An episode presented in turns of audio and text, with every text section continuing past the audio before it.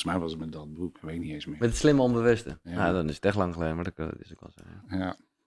Dat is, dit is 2007? ja.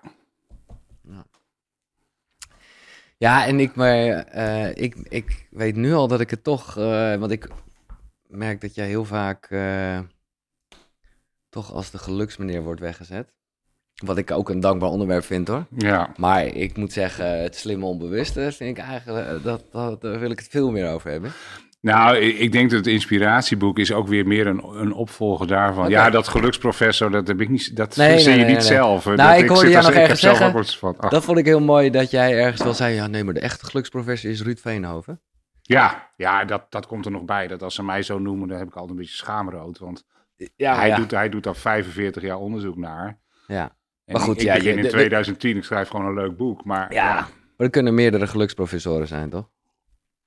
Ja, en ik heb het verder ook. Hij heeft het boek ook gelezen. Van, tevoren. hij, hij Mm. kan weer niet zo'n populair wetenschappelijk boek Nee. schrijven. Iedereen heeft ook weer zijn specialisme natuurlijk. Maar Maar laat ik eh, gelijk even de boeken met elkaar koppelen. Ja. En dat is echt een vraag die ik met name naast, eh, namens mezelf stel. En ook namens vele luisteraars die blijkbaar bezig zijn met zelfontwikkeling en dat soort dingen. Heeft ehm, alle informatie, alle dingen die jij gelezen hebt, eh, heeft het je gelukkiger gemaakt? Daar ga ik wel van uit. Ik denk, ehm, eh, ik denk, dat, ik denk dat, he- dat er heel veel dingen bij zijn die ik heb gelezen, die, die leiden tot, of die hebben geleid tot hele concrete lessen. Hè? Ja. Je, je, kunt, je kunt vaak gewoon dingen meteen in de praktijk brengen.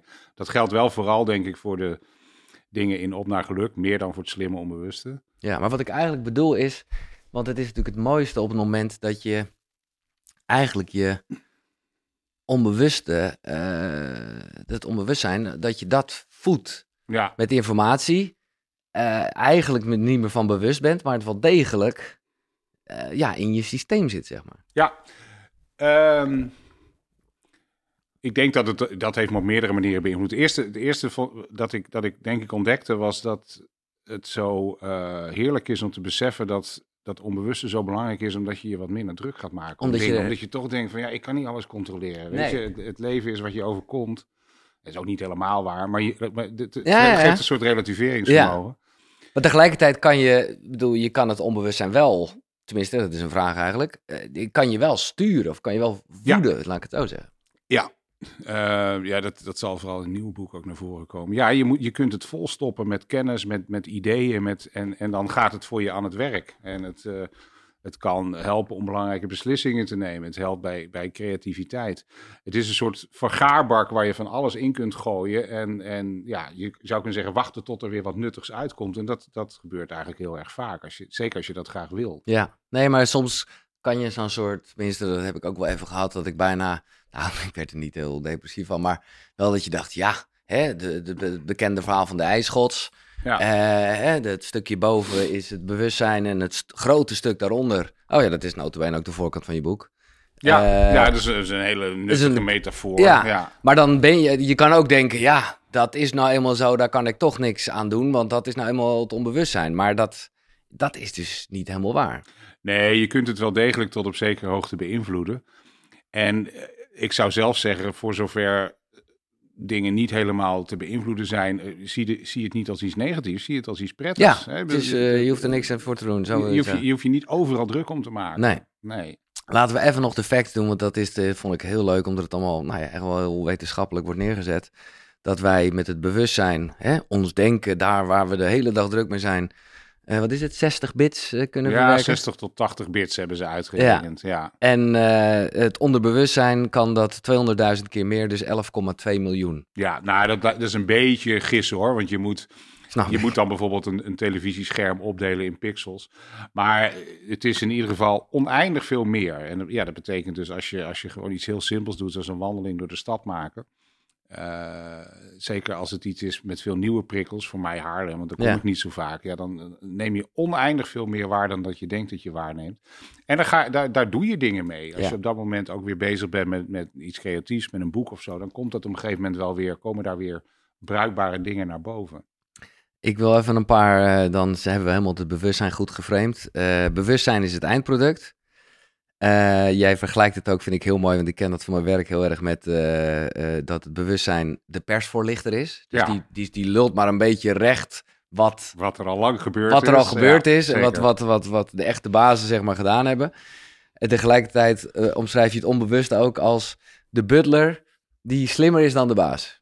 Die, Ja. die eigenlijk alles doet. Eh, Ja. en, en de, de En baas... de baas ook nog vaak de illusie geeft dat die baas wel degelijk dingen doet. Want anders het. wordt die baas natuurlijk een beetje, dan wordt hij wordt die grumpy. Ja, Ja, ja, dat klopt. Nou ja, dat, daar kwam ook een beetje mijn vraag eh, naar voren. Omdat je gewoon dan ook bijna... Ja, nou ja, je kan er ook maar beter gewoon in rusten en ervan genieten dat je niet zoveel kan doen. Ja, Maar het is, nou ja, in, in, in de zoektocht, want je wilt toch wel, eh, nou ja, je onderbewustzijn, tenminste, ik heb wel die behoefte om daarin toch meer bewustzijn van te maken. ja, Maar eh, de, de, het mooiste, de vergelijking vond ik eh, vrij in het begin van het boek. Wie naar onbewust zoekt met het bewustzijn, zoekt naar een donkere plek met een zaklamp. ja, Kortom, het- vergeet het maar. vergeet het maar. het kan Ja. eigenlijk niet. Nee, Maar nogmaals, je kan het wel voeden. En, en nou ja, dan, dan ben ik hier met de podcast voor mijn gevoel in ieder geval lekker bezig. ja, Ik vraag me wel af, eh, want eh, nou, die, we gaan eh, in dit gesprek echt voor mij een paar hoaxen echt even debunken. Of hoe zeg je Mhm. dat? Gewoon dingen waarvan ik dacht, oh, hè, nou ja, laat ik gelijk met de eerste beginnen, want daar wil ik eigenlijk naartoe.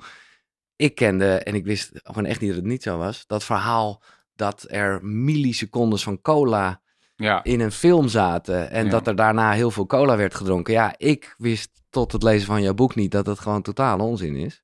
Ik dacht echt wel dat er subliminal messaging bestond. nee. Nee, dat heeft, een, dat heeft inderdaad een reclamemaker ooit eh, verzonnen. Nou, dat heeft hij vele jaren later pas toegegeven dat hij het verzonnen heeft. Daarom hebben we zo lang gedacht dat het wel Nee, kon. Nee, er zijn wel. je- Je kunt in een, in een laboratorium met, met computerschermen kun je wel subliminale plaatjes en woorden aanbieden die hele kleine, kortdurende effecten hebben. Ja, Maar met mensen letters gaan niet dingen. in één keer cola kopen. Omdat, eh, bovendien weten we dat het moet aansluiten bij doelen. Dus als je al eh, als je al iets wil met cola, dan helpt het bijvoorbeeld alleen bij mensen die al dorst hebben. Ja, ja, ja. ja. Ja. ja Oké. Ja. Maar, en daarmee zeg je het misschien al een beetje van je moet het wel willen. Ik moest heel erg denken aan eh, wat affirmaties kunnen doen. Mhm. Ja, je, bent, je bent er wel bekend mee dat je gewoon s ochtends of s avonds eh, vanuit een positie dat je het al bent. Ik ben dit, ik ben dat. eh, gewoon een beetje een soort pep talk tegen Ja. jezelf zou ik willen zeggen. En ik heb dus ook wel een tijd gehad.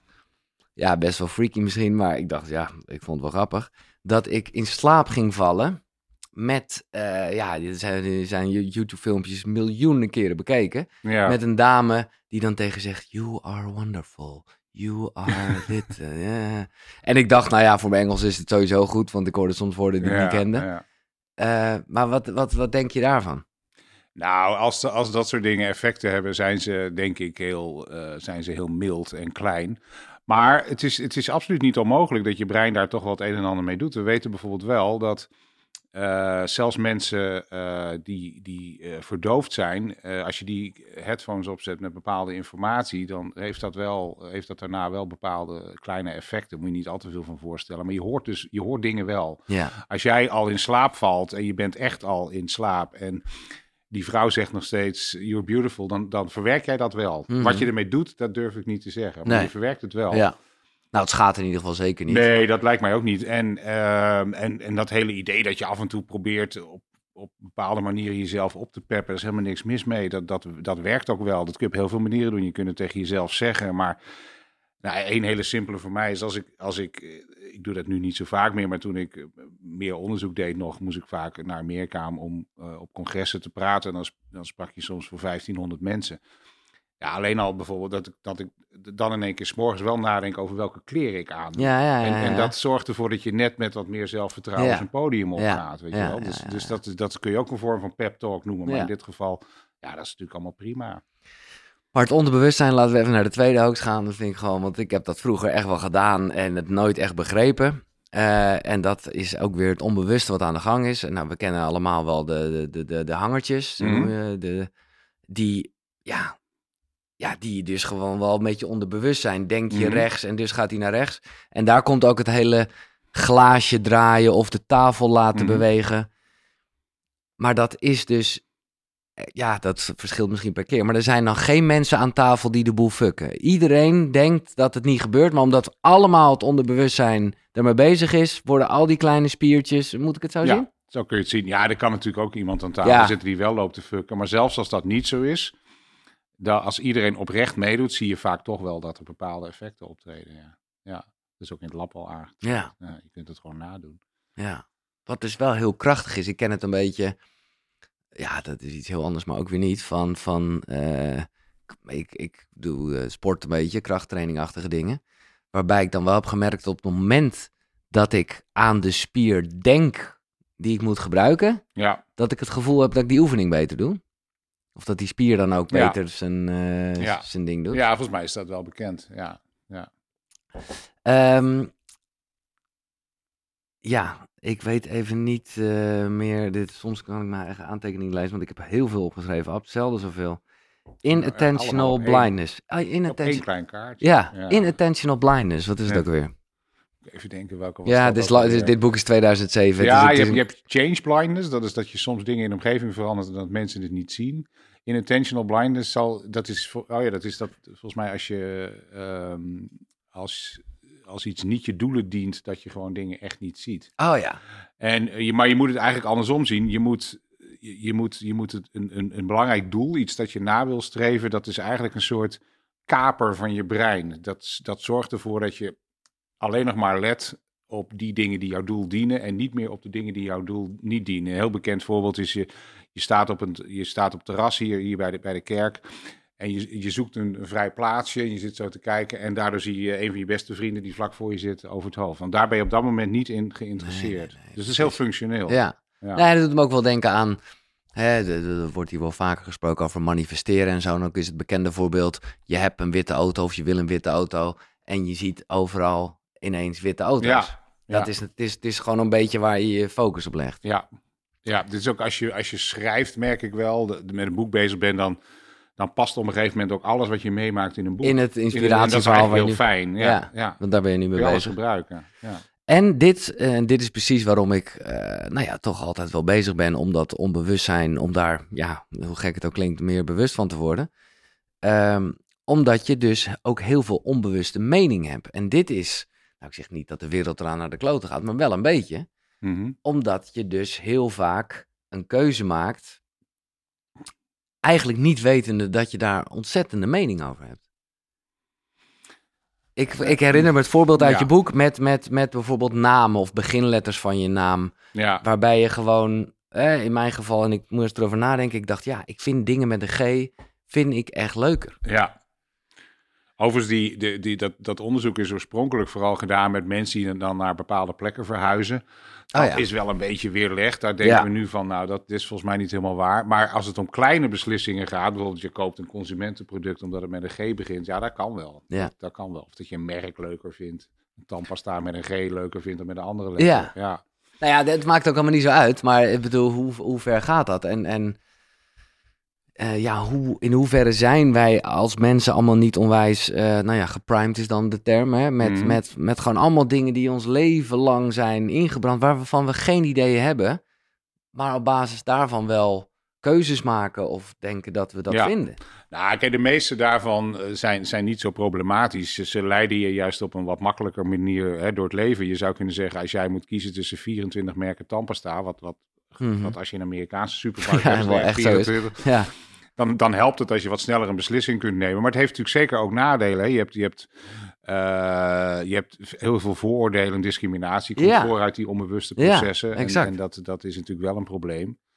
Ehm, dus, dus, ehm, en je, je onbewuste is ook nogal, heeft ook nogal de neiging om ehm, eh, ja, vooral korte termijn dingen leuk te vinden, weet je wel. Dus je, dus je bewustzijn zegt, er mag, er mag wel een paar kilo af. ja, Maar je onbewuste zegt, nee, blijf maar lekker op de bank zitten. Sporten, daar heb ik geen zin in, weet je. Het is, het is soms ook een soort lui. ja, ja, ja. ja. Een soort lui. eh, En hoe komt dat dan? Is dat dan gewoon vanuit het bekende oerprincipe eh, van span je maar niet te veel in? eh, gewoon ja, ik denk wel dat je dat zo moet zien. We, we zijn natuurlijk altijd, eh, elk levend wezen is bezig met het conserveren van energie. Ja. En, en eh, als het niet nodig is, moet je, moet je geen gekke dingen doen. Nee, nee, Ja. nee. En er zijn, er zijn, ja, er zijn wel. Een ander voorbeeld is, is, is, eh, zijn, zijn gewoonten. Hè. Dus sommige mensen hebben wat slechte gewoonten. En als dat er echt heel erg ingeslepen is, ja, dan, zijn die, dan zijn die vaak lastig te veranderen. Rook je nog steeds niet? Nee, ik ben roken ben ik inderdaad 2010 mee gestopt. En sindsdien... eh, maar het- ik vind het ook vies. Dit is gewoon mijn geluk. Ik, Ja, ik- ja, ik ja. kom ook nooit in de verleiding. Het, ik denk dat het nu wel steeds makkelijker is. Hè. Ik zie wel steeds minder mensen om me heen die roken. Ja. In Manchester weer meer trouwens. Ja, ja, ben je gezien, geweest, ja. geweest was. Ja. Maar dat, er is er geen enkel, want dat is het nadeel natuurlijk gewoon, dat er, dat, dat, dat weggetje ooit bewandeld is, zou ik maar zeggen, in je hoofd. Nee, daar, daar is iets goeds gebeurd. Op een of andere manier is dat, is dat, is dat omgeklapt. Nee, ik kom nooit in de... Nee, ik vind het zelfs een beetje vies als Ja. mensen het doen. Niet dat ik er wat van zeg hoor, dat zou ook hypocriet zijn. Maar, maar ik, als, ik, als ik dan zo, zo, zo... Als ik achter iemand loop met een sigaret en ik ruik dat, denk ik, hè, bah. Ja. dus nee, dat komt niet meer in de, in de verleiding. Maar is dat hele priming en dan, dat, hè, daar, eh, reclame is daar een onderdeel van, maar ook gewoon, eh, nou ja, hoe je als mens eruit zou moeten zien. En dat, ze- zijn dat nou allemaal tijdelijke dingen? Of, of zitten die echt erin gebrand? Nou, dat, dat, het mechanisme op zich zit, zit erin gebrand. Maar ehm, de, de, de normen bijvoorbeeld die voortkomen uit dat soort processen, die, die, eh, die zijn ook voor een heel groot deel cultureel bepaald. Dus inderdaad, van hoe moet je eruit zien? Ja, dat verschilt over tijd. Ja. Ja, ja, ja. Eh, even een kleine tip eh, voor iedereen. Hoe meer je nadenkt, hoe slechter de beslissing. Nou, dat is wel een iets genu- ongenuanceerde manier Oh. om dat hele idee uit te leggen. Maar het is inderdaad zo dat, dat, eh, dat sommige beslissingen, en ironisch genoeg juist de grotere beslissingen die je neemt, bijvoorbeeld carrièrekeuzes of het kopen van een huis, ja, die moet je, die moet je eigenlijk door je onbewuste laten maken. Dus, dus de beste manier is om wel heel bewust informatie te verzamelen, dan een tijd afstand te nemen en laat je onbewuste maar als een soort, hè, als een soort stoofschotel langzamerhand. En dat- Bekende en die nachtje komt dan erover wel- slapen, Precies, of, eh, een ja. nachtje erover slapen. En dat leidt tot de beste beslissingen. En vro- eh, vroeger dachten mensen, nee, je moet zo'n lijstje maken met Plus en plussen en min. minnen. Nou, dat mag je best doen als je, als, je, als je een wasmachine koopt. Maar dan moet je niet met de hele grote beslissingen in je leven doen. Want dan, Nee. Dan krijg je spijt. Dan ga je op een gegeven moment de mist in. Maar ook omdat wij eh, dat eigenlijk helemaal niet zo goed kunnen afwegen. Nee, dat zijn verschillende redenen. Eén is dat een beslissing vaak eh, niet zo rationeel genomen kan worden, omdat je bijvoorbeeld niet alle informatie hebt. Nee. Maar het is ook, je zou kunnen zeggen, ons bewustzijn is gewoon te klein. Al die informatie past er niet in. En laat dat onbewuste, maar nogmaals, de- die vergelijking werkt wel goed. Gooi het er maar allemaal in, ingrediënten in een stoofgerecht. Ja, En dan laat je drie uur sudderen. En dat, kan het, dat, kan, dat kunnen die onbewuste processen veel beter. ja. En maar goed, het is vanuit want, want dan gaat je bewustzijn toch denken... Ja, maar het is een hele goede kans. Het is een mooie baan of het is een mooi huis. En je voelt wel dat het... ja, maar als jij dat voelt, Ja, dan, eh, dan moet je daar wel naar luisteren. Al- al- Als, ik zeg, als, je, als je moet kiezen tussen die twee, dan moet je voor dat onbewuste kiezen.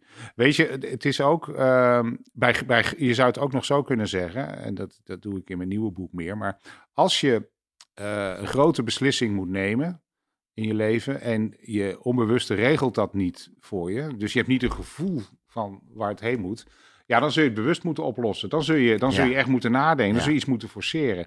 Dat kan wel, maar het is een zwaktebod. Bij de grote beslissingen moet je, moet, moet je op je onbewuste. Na, na, is, dus nadenken is een zwaktebod. ja. Dat is eigenlijk de conclusie. Lekker. ja, heerlijk. Geeft weer heel veel eh, rust. Weten we al meer over bewustzijn? Want dit boek is uit 2007 en ik weet dat jij bijna, nou niet zozeer gefrustreerd, maar meer eh, gefascineerd eigenlijk, schrijft over met name hè, waarom is iets lekker, subjectieve waarneming, dat we Ja. daar nog zo weinig van weten. En, en ik dacht, ja, is daar al eh, inmiddels is daar veel in veranderd in onderzoek? Want dus ja, we zijn toch 15 jaar verder. Nou, eigenlijk niet eens zo heel erg veel. Wat, wat we wel weten is dat een deel van die, die eh, experimenten die aantonen dat al die onbewuste processen helemaal hun eigen gang gaan en best wel vaak spectaculaire dingen, dat die toch sommige daarvan worden wat moeilijk gerepliceerd. Dus we moeten het, moet het ook niet overdrijven. Dus, Eh, dus eh, nou, wat, wat zeg je hiermee? Dat het, eh, dat het echt een spel is tussen bewust en onbewust. En ook weer niet dat het een helemaal op zichzelf staand orgaan is? Of? Ja, dat, dat sowieso. Ja, het, is, het, zijn, het zijn danspartners. Ja, hè? En, ja, ja. en de, je, je, kunt- de een kan niet zonder de ander. Ehm, over, de, over de functie van het bewustzijn wordt wel, wordt, wordt wel heel veel nagedacht. Ook vanuit de neurowetenschap en de psychologie en de filosofie. Ja, dat, dat, dat gaat door. Als je, als je echt een, ehm, een hele goede verklaring zou hebben van waarom hebben, hebben wij die subjectieve ervaring, dan, dan, eh, ja, dan, dan kun je een paar Nobelprijzen ophangen. Ja, ja, Daar zijn we nog niet over uit. Nee. Het is eigenlijk het- misschien wel de, de, samen met een aantal dingen die met het heelal te maken hebben, is dat misschien, zijn dat misschien wel de grootste, is dat misschien wel de grootste wetenschappelijke vraag. Het grootste onverklaarbare. Ja, Eh, dus daar kan je een Nobelprijs mee winnen als je meer over dat... eh, ja, hoewel er zijn wel, misschien gebeurt dat op een gegeven moment ook wel trouwens. Er, zijn wel, er is wel een behoorlijke vooruitgang geboekt in, in eh, nou, laten we zeggen, in theorie van over het brein in het algemeen. We weten, in ieder geval de, de, de dominante theorie op dit moment is dat, dat we eigenlijk zeggen, het, het, het brein is een voorspellingsmachine. Wat, wat wij predictive coding noemen ze dat in, in, het, eh, in de wetenschappelijke taal, de Engelse taal. En wij zijn eigenlijk continu bezig om een model van de, van de, de onmiddellijke toekomst in ons hoofd te maken. En, en daarbij eh, om zo goed mogelijk in te spelen op wat er gebeurt. Hè? En eh, nou, op het moment dat, dat die voorspellingsmachine niet klopt met de werkelijkheid, dan, dan kun je twee dingen doen. Of je past je voorspelling aan, of je, of je past je gedrag aan. Je Ja. gaat iets doen waardoor je. En, eh, en dat, dat verklaart wel een. Dat is wel een, dat is wel een mooi model. En waarschijnlijk zit er heel veel in. En op een gegeven moment zijn ze.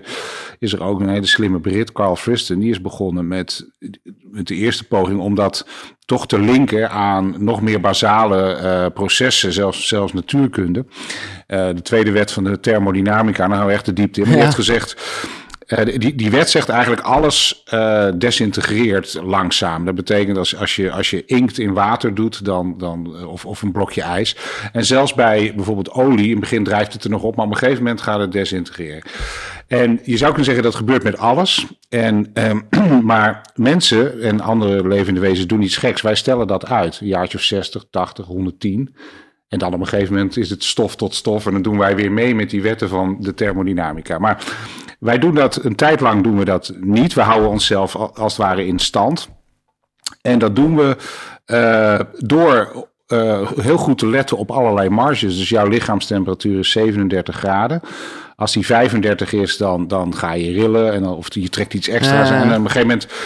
En als die 33 is, moet je echt heel snel hulp inroepen. En als die 20 is, ben je al overleden. Dan ga je weer tot stof. En dat, dat is eigenlijk, eh, je zou kunnen zeggen, dat is wat die voorspellingsmachine doet. Die is de hele tijd bezig om ons in die, in die marges te houden die ervoor zorgt dat wij goed functioneren. Dat is Ja. niet alleen eh, fysiek, dat is ook psychisch. ja, dat is juist. Ja, ik snap, ik Misschien snap wel de meer in het. Nou ja, fysiek natuurlijk ook. Je, je bloeddruk mag ook niet boven de 200 zoveel komen. Dan ga je ook dood. Maar Nee, maar je kan dat wel. Ik ben heel erg van de school, eh, alles kan je trainen. ja, Je kan daar wel een beetje mee spelen, toch? Je bedoelt dat je die, die lichaamstemperatuur op zijn Wim Nou, met, met, Ja. ja. Ja, precies. Ik moest Ja. wel gelijk een koud douche Zeker, denken, je kunt, inderdaad. je kunt wel degelijk bepalen. Ja, je kunt een.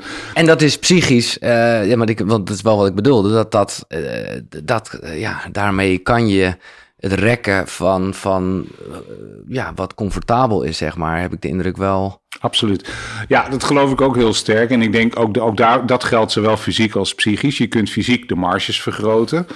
Eh, en, en Wim Hof toont het wel aan. En je kunt dat ook eh, psychisch doen. Bijvoorbeeld, ehm, die, die, die voorspellingsmachine zou je kunnen zeggen, die, is, die, die wil niet alleen geen fouten maken op korte termijn, maar eigenlijk ook zoveel mogelijk goed kunnen voorspellen op lange termijn. En daarom zijn wij wel van nature nieuwsgierig. We proberen toch eh, dingen uit, zodat Ja. we misschien op korte termijn meer fouten maken, maar op lange termijn hebben we dan iets geleerd. En dat kun je ook oprekken als je bijvoorbeeld eh, als je, als je naar India gaat, je bent voor het eerst in Delhi. Ja, dan word je gebombardeerd met allerlei dingen waar je geen bal van begrijpt. Ja, ja. En, en sommigen kunnen dat ook niet aan. Sommige mensen zouden heel erg in de stress schieten. Maar als je dat wel aan kan, en dan is het vaak zelfs leuk, dan, dan zou je kunnen zeggen, dan, dan verhoog je de flexibiliteit. Ja. Dan train je je geest als het Ja. ware. Ja. Nou ja, zo zijn we dan alweer automatisch bij, want dat is wel heel grappig, eh, dat eh, jouw eh, andere bestseller, je hebt vele boeken geschreven hoor, maar Op naar Geluk, eh, ja, dat gaat dus eigenlijk dus juist over het bewustzijn. ja, zou je kunnen zeggen. Zeker. Ja. ja. Want dat is wat je... Ik kondigde hem al aan, aan in, helemaal aan het eind van dat boek. Hè? Dus Zeker. dat is klopt. Dat waar. Ja. Ja. Eh, al, nou ja, laat ik dan nog even. En, eh, al heb je het ook ehm, gehad over een boek over gemoedsrust. Ja, daar heb ik het ook wel eens over gehad. Daar wacht hebt ik nog steeds heel op. goed eh, je huiswerk gedaan. Ik weet niet of dat er nog komt. Hmm. Misschien wel hoor. Het zou kunnen. Het zou kunnen. Dat is, dat is weer meer oosters. Ja. En dat Eh, het, nou ja, het in, zit daar al wel Het behoorlijk zit in, in. eh, op naar Ja. geluk absoluut erin. Ja. Maar goed, op naar geluk is dus, eh, nou ja, eh, ik, ik, ik zeg het maar even, het, het, het bewustzijn Eh, waarbij, nou ja, waar je het net over had, het is, het is geen eh, fictief voorbeeld, want jij bent iemand die graag reist. Heb je ook Ja. een mooi boek over geschreven. Daar komen we ongetwijfeld nog op. Maar dit is, ik was heel blij hiermee om dit te lezen, omdat ik vroeger eh verdien ik best wel veel geld. Fucking veel geld eigenlijk, laat ik Ja. zijn. En nu... eh, Verdien je minder geld. ja, dat, maar dat, wat, dat dat maakt is niet meer belangrijk. Nee, dat is niet meer belangrijk. Maar ik weet vooral dat ik, ik heb er gewoon, eh, ik heb het alleen maar uitgegeven aan reizen en eten. Ja. En ik weet dat mensen daar echt nog wel eens iets hadden van, ja, ja, toch, die beginnen dan over auto's of dingen. Ja, ik, ik heb daar gewoon niet zoveel mee. Nee. Dus ik heb dat, eh, nou ja, ik zeg niet dat ik helemaal geen spullen gekocht heb, dat is natuurlijk onzin.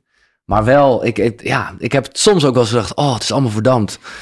Maar door Ja. jouw boek wist ik, oh nee, dat heb ik eigenlijk heel goed gedaan. Want ervaringen, ook weer om, om nou ja, Ja. je- jezelf rijker te maken in, in je geest, zeg maar. Ja. Dat is waar het om gaat. Ja, eigenlijk wel. Ik heb, ik heb ook, ehm, eh, ik heb ook wel, wel nog, nog een extra dunner boek geschreven, Maakt Geld Gelukkig. Ja. Omdat, ik, omdat ik wilde inzoomen op die relatie tussen geld en geluk. En dan blijkt eigenlijk dat mensen die, dat er wel een kleine relatie is. Dus mensen die rijker zijn, zijn gemiddeld gelukkiger. Ehm, is niet heel sterk, maar die is er wel. Maar het, het hangt echt helemaal inderdaad af van waar je het aan uitgeeft. Nou, drie dingen. Eén, je, je kunt je geld inzetten om andere mensen gelukkig te maken. Eh, twee is, je moet tijd kopen. Dus dingen die je echt niet leuk vindt om te doen, moet je gewoon niet meer doen. Nee. En drie, en dat zeg je al, dat zijn de ervaringen. En dat is misschien wel de allerbelangrijkste.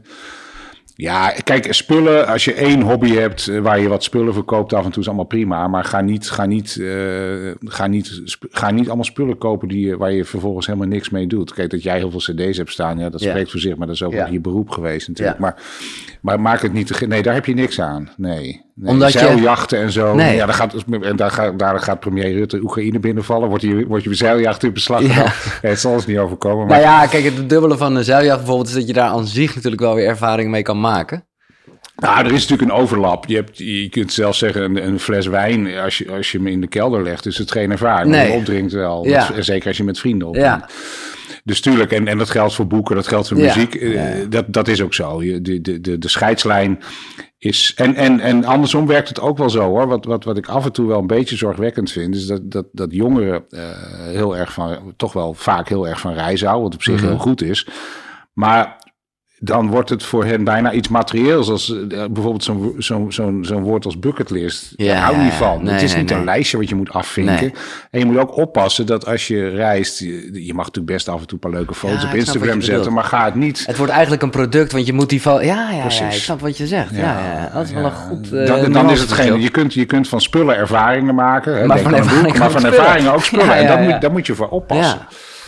Oké, laten we het geld even afronden, want ik vind het over het algemeen eh, allemaal niet zo boeiend. Maar tegelijkertijd, jij zegt het al even, eh, en respect voor het feit dat je eh, terugkomt op, een, op wat je er eerder over Ja, schreef. ja, dat klopte niet helemaal. Nee, maar dat vond ik top. Je Ja. schreef inderdaad nog een boekje, Maakt geld gelukkig. Nou ja, kort door de bocht is het antwoord wel ja. Ja, een beetje wel. Een beetje wel. Ja. Ehm, en nou ja, dat is, dan, dan stop ik met de hoaxen. Maar ik had ook altijd het verhaal geleerd. Als je de loterij wint, kom je er ongelukkiger uit. Dat is wel Ja. echt een verhaal dat eh, nou, Ja. lange tijd bij mij geleefd heeft. En dat vond ik ook logisch. Want ja, eh, mensen in je omgeving veranderen. Gedoe. Het eh, gaat te snel. Ik bedoel, mensen ja. kunnen, zijn het helemaal niet gewend. Nee, het blijkt Maar- gewoon niet zo te zijn. nee, want in die end Zijn ze gelukkiger gemiddeld. ja, maakt de loterij dus wel gelukkig. Het duurt even, omdat je in het begin heel onrustig bent en, en een beetje onzeker. Wat moet ik er nou allemaal mee? Maar uiteindelijk zijn mensen die een paar miljoen winnen eh, na, na twee jaar eh, echt gelukkiger dan, eh, dan voor de loterij. Gemiddeld, hè? uiteraard, het kan ook een keer misgaan, maar gemiddeld zijn ze gelukkiger. Ja. Wat ik me afvraag, want dat vind ik het fijne van jouw schrijfstijl, dat, dat, hè, er komen natuurlijk onderzoeken in terug, maar ook gewoon wel mooie uitspraken. Dus hierover vond ik echt fantastisch. Over dat de Boeddha het blijkbaar ooit vergeleken heeft met geld is als water uit de zee drinken. Namelijk dat, het- dat je eerst het gevoel hebt dat het de dorst lest, Ja. maar het wordt alleen maar erger, want Ja. zout water. Hoe, hoe, ja, hoe, kwam die op je pad? Want, want dan lees je niet alleen maar wetenschappelijke onderzoeken. Oh nee, ik lees, eh, ik lees alles wat los en vast zit. Als je, ik, ik weet niet, voor zo'n boek als Op naar Geluk, ik denk dat je een paar honderd artikelen leest en, en, en misschien vijftig boeken of zo. Ja, ja, sommige een beetje diagonale, sommige echt heel goed. Ja, ja, ja. Maar ik heb, ik heb inderdaad een paar bepaalde periode ook niet alleen de wetenschap gelezen, maar ook alle oude Grieken en heel veel oude Oosterse. Ja, dus, en, dus het sowieso. ja, dat? leuk, ja. de Stoïcijnen. En, Ja. en soms van die, van die heerlijke regels waar, waar je dan in het begin even van denkt. Nou, Epicurus bijvoorbeeld. Je moet niet bang zijn voor de dood, want zolang jij er bent is de dood er niet. En als de dood er eenmaal is, ben jij er niet meer. En de eerste keer dat je dat hoort, dan denk je, ja, dat is Kruif, weet je wel. Ja, ja, maar ja, Cruijff, Maar eh, Cruijff had daar vaak ook wel. Ja. Precies. Maar als je, dat, als je dat jarenlang tegen jezelf blijft zeggen, af en toe eens een keer, dan, dan op een gegeven moment Voel je voelt dat, echt. ja, precies. Dan Ja. voel je dat echt. En eh, daar haal. En, en ja, soms denk ik ook wel eens bij al die. Met slim onbewust is het anders. Maar, maar bijvoorbeeld de wetenschap naar geluk. Dat, dat is een ontzettend actief gebied. Waar, waar heel veel mensen mee bezig zijn. Tegelijkertijd, 25, nou 2000 jaar geleden wisten we ongeveer 80% al van wat we nu weten. Ja, hè? Dat is natuurlijk ook zo. Die, die Socrates en de Boeddha en Epicurus, die waren wel vrij slim. Ja, Ja. maar dat is eh, wel mooi dat je zegt, want het is natuurlijk bijna, of dat is misschien altijd, dat kan ik niet goed inschatten, ik leef nu, maar het is wel een soort van industrie geworden. En toch nog even over geld. Geld is goed om te hebben, niet om te willen. Is dat voor geluk niet ook een beetje hetzelfde? Ja, heb je gelijk in. Het is, eh, nou, geluk mag je wel, eh, geluk nastreven moet je, eh, of moet je, je moet niks, maar geluk nastreven kan ik iedereen aanraden, omdat er allerlei dingen zijn die je kunt doen om gelukkiger te worden.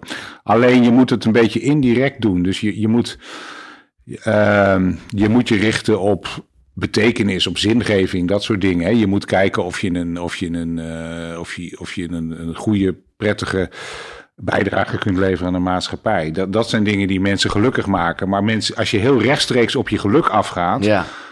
dan wordt het vaak te oppervlakkig. Dan wordt het een beetje van, kijk mij eens blij zijn. En dat is, dat is niet hetzelfde als geluk. Nou, dan ben ik blij dat je het zegt. En ik voelde dat ook wel tussen regels door. Maar in eerste instantie eh, ja, sprak mij het boek ook helemaal niet aan. Omdat ik gewoon namelijk die term geluk... Weet je, eh, het voelt namelijk net. En, en, en heel even leek het die kant op te gaan eh, voor mijn gevoel. En toen kwam het wel goed. Was namelijk dat... Ja, dat, dat eh, emoties als verdrietigheid en zo... Ja, dat is toch ook geluk? Ja, Nee. nee. Het is een soort omweg hoor. Ik snap... eh, Nee, er is, er, is een, er is een spraakverwarring. Sommige mensen zien, zien eh, waaronder ik, zien geluk als, laten we maar zeggen, een, een gezonde mentale toestand die, die, die hè, op lange termijn die, die, die als een soort fundament fungeert en die heel sterk samenhangt met betekenisgeving, met Ja. zingeving, dat soort dingen. Andere mensen zien het als plezier of genot. Ja. En dan, ze- hè, zoals sommige, eh, Dirk de Wachter bijvoorbeeld. En dat, dat, ja goed, we hebben allemaal onze eigen definities. Dan, dan wordt het in één keer een veel negatiever woord, want dan is het heel oppervlakkig. hè. Geluk is, geluk is niet, ge- is niet eh, heel veel zuipen met vrienden of zo. Dat is gewoon een leuke avond, is prima. Maar ja. nee, die, die, dat moet je echt wel uit elkaar houden. Dus je je hebt helemaal gelijk, je moet geluk eigenlijk op een, op een indirecte manier nastreven. ja. Ja. En is het dan zo, nog even terug naar het onderbewuste en het bewuste, dat, eh, hè, want, want genot is, nou ik zou wel niet zeggen de tegenpol van geluk, maar het is wel waar het vaak misgaat, omdat hè, korte termijn en eh, Ja. je, je hebt de illusie dat. Eh, wie, wie, eh, wie, ja, wat stuurt het, eh, dat genotsprincipe? Want net maakte hij zo'n opmerking dat ik dacht, oh is dat dan toch het onderbewuste wat voor de makkelijke weg gaat kiezen? Eh, vaak wel. Ja? Ja. Oh, maar dat, dan zijn we wel fucked. Nou, ik denk, ik denk dat, het, dat het uiteindelijk ook vaak ehm, voor, juist voor de goede dingen kiest. Ehm, Ja. Als jij, als, als mensen op een bepaalde, in een bepaalde fase van hun leven wat, wat, wat, wat somber zijn, eh, bijvoorbeeld, omdat ze hun, en, en voor een deel komt dat omdat ze hun leven niet goed hebben ingericht, of bijvoorbeeld domweg omdat ze, dat ze Ontevreden zijn. ja, of de- dat ze iets, dat ze, dat ze werk do- doen wat, wat, wa- wa- waarvan ze dat op dat moment nog niet van bewust zijn, maar wat ze toch niet voldoende bevrediging schenkt. Dan is het, zul je, kun je ook zeggen, die onbewuste processen, die komen op een gegeven moment steeds meer in opstand. En die zeggen op een gegeven moment van ja. Of ehm, ja, hoe, hoe moet je, als je, als je, als je, als je alles wil framen in termen van bewust versus onbewust, wat moet je dan met een burn-out? Ja, een burn-out is denk ik ook een, een moment waarop je, je, ehm, je energieniveau zo afgenomen is en je stressniveau zo hoog is dat, dat het systeem, maar dat, dat zijn voor een heel groot deel onbewuste processen, zeggen ja sorry, maar nou Ja. gaan we niet verder, dan moet Ja. niet, nou gaan we het anders doen.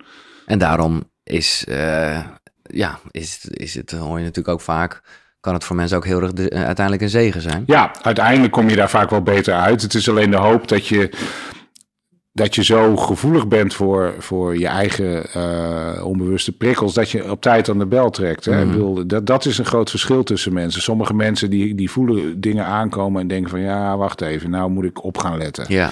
Ik heb dat ook een paar keer gehad. Dat ik zei van sorry, ik ga even een paar weken wat anders doen. Dan is het op de universiteit ook niet zo moeilijk. Dat is dan een voordeel. En anderen die uh, laten het te ver komen en die, uh, die zitten anderhalf jaar thuis. Ja. En is dat iets wat jij uh, van nature hebt?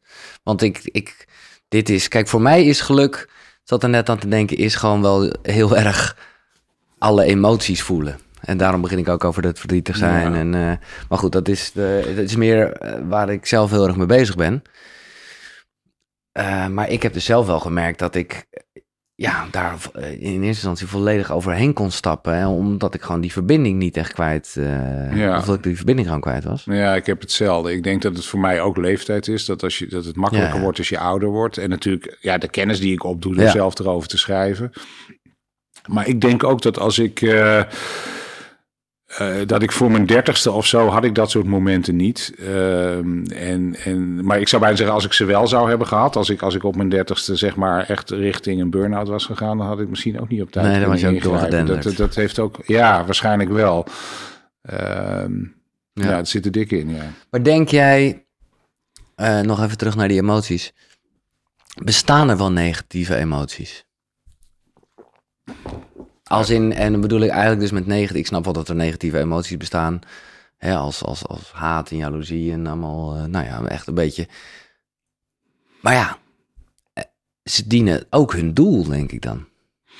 Nou, het zijn, het zijn denk ik, het zijn denk ik, uh, dat zijn de, emoties die, die eigenlijk door het, uh, door het boeddhisme al werden afgekeurd. Ik denk, uh, ik denk dat, ze, dat het een doel dient in de zin dat het een soort signaal is. Ja. Maar het boeddhisme zegt je mag er niet in blijven, blijven nee, hangen. Nee, dat maar... is een beetje het idee. Je moet ja. ook niet. Uh, en, en sommige dingen nog wel een beetje. Kijk, een, soms kan een woedeaanval kan functioneel zijn in, onder bepaalde omstandigheden. Ja, ja, maar ik denk dat boeddhisme vooral zegt haat, jaloezie, dat zijn dingen. Je, als dat even opkomt, dan is dat een soort signaal, maar daar mag je niet nee. in blijven hangen. Dat is een nee. beetje het idee. Ja, nou ja, maar het idee is dat je nergens in blijft hangen, toch? Dat een soort gelijkmoedigheid waarbij je zelfs. Uh, nee, maar verdriet mag wel een tijdje. Ja, dat mag wat precies. langer. Maar ja, dat, dat moet je dan op een gegeven moment als een soort huisgast. Je moet weten wanneer iemand er weer uitzet. Dat is het. Nou, ik heb daar wel. Ik, ik vond het heel mooi. Ik heb een, uh, een promovendus gehad een paar jaar geleden. Dat was een vrouw uit Indonesië. En haar vader uh, stierf. Uh, die was al vrij oud. Uh, en die, die zei op een gegeven moment tegen mij. Of ik, ik vroeg aan haar. Ik, ik heb haar gecondoleerd. En ik zei. Laat maar even weten. Um, als je weer klaar bent om op een gegeven moment weer aan het werk te gaan. Maar neem lekker je tijd. En toen zei ze van tevoren al. Nou, tot, tot 14 maart of zo. Heel precies ben ik in de rouw. En daarna begin ik weer. en dat vond ik eigenlijk. Um, vond ik eigenlijk heel slim. Ik, ja, ik weet niet zeker of dat dan lukt. Maar nee. ik denk het eigenlijk wel. Als Ja. je je daarop richt. Ja.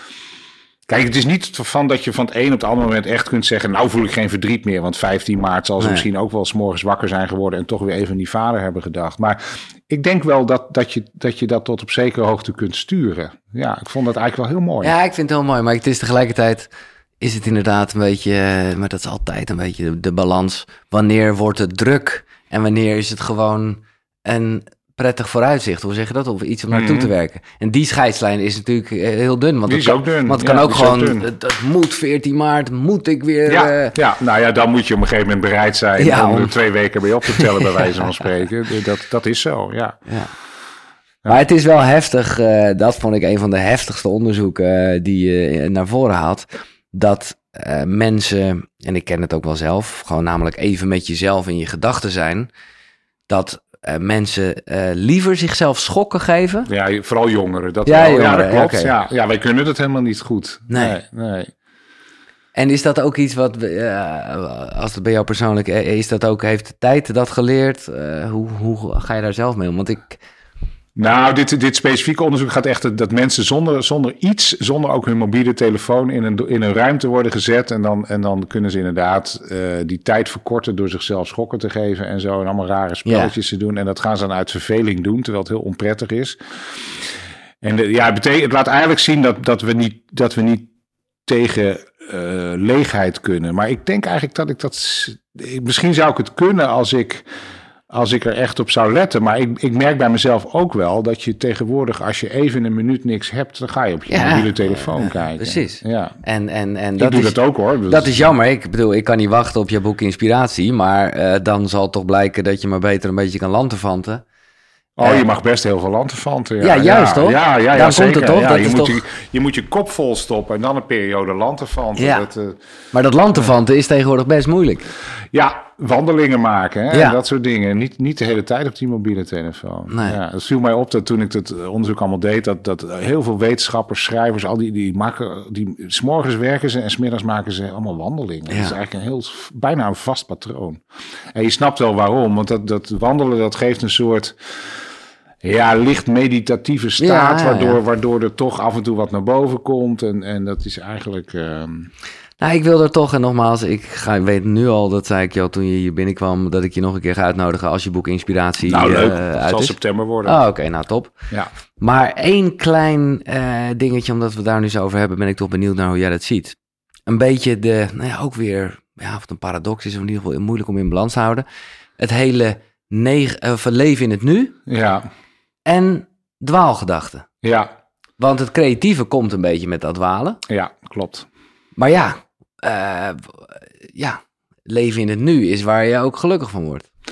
Ja, dat is zo. Ja, Ehm, dat, dat leven in het nu en dat je daar gelukkig van wordt, dat komt met name, dat is wel heel oud, hè? dat komt uit het boeddhisme. En, en het, het idee dat je ehm, eh, dat het tegenovergestelde je niet gelukkig maakt, is vooral gebaseerd op het feit dat, je, dat als, je, als je niet in het nu leeft, dan maak je je vooral zorgen over de toekomst. Of, je schaamt je voor iets in het verleden. Ja, of ja, allemaal van dat soort dingen. maar je zou dwaalgedachten, dat is natuurlijk ook een. een dat, je, je kunt zeggen dat is, dat is ook een manier. eh, van het brein om gewoon wat orde op zaken te stellen. En, en, en het blijkt inderdaad dat als wij en niet zozeer ons zorgen maken over de toekomst, dat is ook weer niet goed. Maar als we gewoon een beetje met ons hoofd aan het sudderen zijn tijdens een wandeling Ja. of zo, lanterfanten, dat die onbewuste processen vaak met hele nuttige dingen bezig zijn. Die zijn juist dan vooral bezig met, eh, ja. ja, met dingen die je nodig hebt, met creativiteit, met Ja, dat soort processen. leggen die, eh, verbindingen leggen, ja, leren, leerprocessen, eh geheugenconsolidatie, zoals dat noemen, zodat je dingen de volgende dag beter onthoudt. Dus die, die, je hebt die afwisseling wel degelijk Ja. nodig. Ja. Maar misschien is het wel zo, dat is echt wat ik me nu bedenk hoor. Maar het valt mij heel vaak op met muziek. Dat de beste muziek toch wel gemaakt wordt op het moment dat eh, artiesten ongelukkig zijn. ja. Eh, en dat zou dan wel verklaren. Want de kans dat je dan wat minder in het nu gaat zitten, maar toch meer dwaalgedachten hebt. Nou ja, dat is een, theorietje van niks. Maar Nee, ik, die spanning zit ook wel in, in, ehm, in, in, in dat inspiratieboek, omdat ik daar ook tegenaan liep dat de meeste mensen, schrijvers bijvoorbeeld, maar ook, ook anderen, die zeggen eigenlijk. Je moet om, om goed te kunnen presteren, moet je eigenlijk een, een, een mild positieve bui hebben. Je moet een soort rust in je hoofd Ja, hebben die het mogelijk maakt om te presteren. Tegelijkertijd zie je dat, dat er. ehm, dat als je echt kijkt naar het, het hoogtepunt van een carrière, inderdaad, van bijvoorbeeld van sommige muzikanten, maar ook wel klassieke muziek. Dat Mhm. geldt voor, voor Ian Curtis van Joy Division, maar ook voor Tchaikovsky. ja. Dat ze in de meest desperate Ja. tijd eigenlijk ook hun beste, in, in, in het geval van Curtis, hun beste teksten schreven en zo. Ja. Ja, daar zit een soort spanning in. Ehm, af en toe heb je, heb je eh, of de laatste paar schilderijen van Van Gogh. Ik denk dat je af en toe mensen tegenkomt die, die geen kunst maken omdat het kan, maar omdat het moet. Moet, ja, het moet en dat, is het, dat zijn vaak wel de beste dingen. En dat heb je inderdaad vaak als het niet zo goed met je gaat. Of sterker nog, als het helemaal niet goed met je gaat. Ja. We komen hierop terug. Die, Inspiratie. die spanning zit in dat boek, want dat is lastig in het. Ja, Dat, is, dat is super lastig. En wat, eh, hoe zit dat in je eigen leven? Je noemde al even mediteren en daar schrijf je ook wel echt uitgebreid over in Op naar Geluk. Hoe, hoe eh, nou ja, laat ik, eh, wat is jouw ochtendritueel? Heb je een ochtendroutine? Ehm, ik sta over het algemeen eh, vroeg op. Vooral, eh, vooral in de lente en in de zomer. Want ik vind het wel fijn om op te staan als het licht is of bijna licht wordt. En dan ga ik. eh, Maar dan komt, er- is het met een wekker of je wordt gewoon wakker? eh, ik, word, ik word eigenlijk wel gewoon wakker. Heel af en toe zet ik een wekker, maar als het moet. Maar, eh, Nee, precies. En dan ehm, ontbijt ik met wat koffie. En dan ga ik meestal een paar uur schrijven. Eh, en afhankelijk van het boek waar ik op dat moment mee bezig ben. En dan lunch ik. En smiddags ehm ja, dan ben ik eigenlijk bezig met, met, met het geland ervan. Dus ik maak wandelingen. Ja. Soms geef ik mezelf duidelijke opdrachten van ik moet nog een goede titel hebben voor dat hoofdstuk. Of ik, ik heb een goede overgang nodig. En Dat bedenk je van tevoren en dan ga je en dan ga wandelen. En dan komt het soms dan. een half uur, soms, soms anderhalf, twee uur. Ja, soms lig ik smiddags ook een uurtje op de bank of ik ga, Ja, ja. ik ga een boek lezen. Ja, dus, dus mijn, mijn, mijn, eh, mijn werken is, is wel verdeeld in een, in een deel bewuste arbeid en een deel Ja. onbewuste arbeid. Ja. Ja. En in hoeverre, ik eh, zag dat gewoon op je website en ik, nou ja, je bent eh, hoogleraar, je bent schrijver, maar je bent ook zeker ondernemer. Ik zag drie bedrijven. Ja, ik heb, ik heb niet zo'n goed idee wat, het, wat ze doen. Eh, DNB? De- nou, ze doen eigenlijk allemaal ongeveer hetzelfde. We, zijn, we zijn ooit begonnen, dat is, dat is, dat is na het slim onbewuste, eh, waren we met een aantal mensen in, in, de, in de afdeling sociale psychologie, deden we onderzoek naar gedragsverandering. Dus hoe kun je, ja, hoe kun je gedrag veranderen, niet zozeer van jezelf, en bij een slechte gewoonte, maar van grote groepen mensen. Ja, ja, oké. Hè, hoe kun je, weet ik veel, hoe hou je stadsparken schoon? Hoe verminder je files? Hoe En dat is je- waarschijnlijk ook weer door juist eh, eh, te richten op het onderbewuste? Precies, dat, Ja. dat, was eigenlijk, dat was eigenlijk de grote, de, Hmm. de algemene filosofie erachter. Van je moet niet, mensen beginnen dan altijd bij eerst bewustwording. Nou ja, dat kan soms best helpen. En, eh, maar nee, laten we, nou, laten we het op een andere manier proberen. En dat zijn we, en ik bemoei mezelf niet zoveel meer met dingen hoor. Want, want ik, ben, ik ben wat dat betreft te veel een. Ja, ik ben veel meer denker en schrijver dan, dan echt. Maar we zijn met een paar mensen begonnen. En ik heb wel nog steeds een belang in het bedrijf. En we gaan ook weer, wel weer wat nieuw, nieuwe dingen doen. Maar noem eens iets, ik moet voornamelijk denken aan van die eh, rare dingen waarvan je dan achteraf al snapt dat het werkt. Dat je op hang jongere pleintjes klassieke muziek zet. Ja. Eh, maar wat, wat, wat hebben jullie iets bedacht? Of iets Eh, gedaan? Oh, er- er- er- er werken inmiddels 70, 80 mensen. Oh, dus ze, ze- er worden continu dingen bedacht. En, en nogmaals, ik, ik weet het, het ook, ook soms hele ludieke dingen hoor. Dat, op een gegeven moment eh, de- was de gemeente Rotterdam. Die, eh, die zagen dat er op de Erasmusbrug heel veel spookfietsers. Ik ken het woord niet, en spookfiets, spookrijders natuurlijk met Ja, een fiets. oh ja, wisten ja. wij veel. Maar dat is natuurlijk een beetje gevaarlijk, want dat, dat gaat Ja. zo. Dus dat gaat soms keihard. En ja, dan komt iemand met het idee. En dan ga- dan gaan wij vaak een paar dingen testen om te kijken van wat heeft de beste resultaat. Want wij, wij kunnen ook menselijk gedrag niet altijd voorspellen. Nee. En dan krijg je in één keer zeg, staat er op de weg, zeg boer als je een spookfietser ziet. En het, heeft, het, hielp, het hielp hartstikke. Ja, dus het, soms zijn het echt, gaan we heel erg de diepte in. Soms zijn het meer ludieke dingen. Maar het zijn eigenlijk altijd wel, ja, het zijn altijd dingen die te maken hebben met, met gedragsverandering. Dus, eh, dus, dus mensen hebben, gemeentes of provincies of bedrijven hebben bepaalde problemen. Of ze willen eetgewoontes veranderen, gezonder maken. eh, ja, nog maar dit is, want ik zei D&B, maar je hebt ook nog Behavior Change Group, maar dat is bijna dit, denk ik nu. Ja, behavior- ja, op een gegeven moment hadden we, was het, hadden we drie verschillende bedrijven. Happiness En- Lab, laat ja, ik het de dat, derde dat ook ging meer noemen. over, over hoe, je, hoe je bedrijven uitdaagt om hun, um, om hun mentale welzijn van hun werknemers te vergroten. Maar het, is nu allemaal, het, is, het zit nu allemaal onder de noemer Behavior Change Group. Ah, oké. Ja. Maar dat vind ik leuk, eh, want dan kan ik de link leggen naar... eh, ik vond dat heel mooi, jouw, jouw, jouw laatste hoofdstuk is wel een soort... eh, nou ja, dit is een hoop wetenschap en dus je eigen mening zit erin. Maar dat is wel bijna een soort column. Of nee, dit is trouwens het ene laatste hoofdstuk. Over de politiek. Voor, ja. Over de politiek. Ja. En ik vond dat mooi, want je voelde echt een soort passie van... er moet veranderingen komen, er moet, moet gelukskunde zou... Ja, ja. Hoe... ehm, ja, hoe kijk, hoe kijk je daar nu op terug?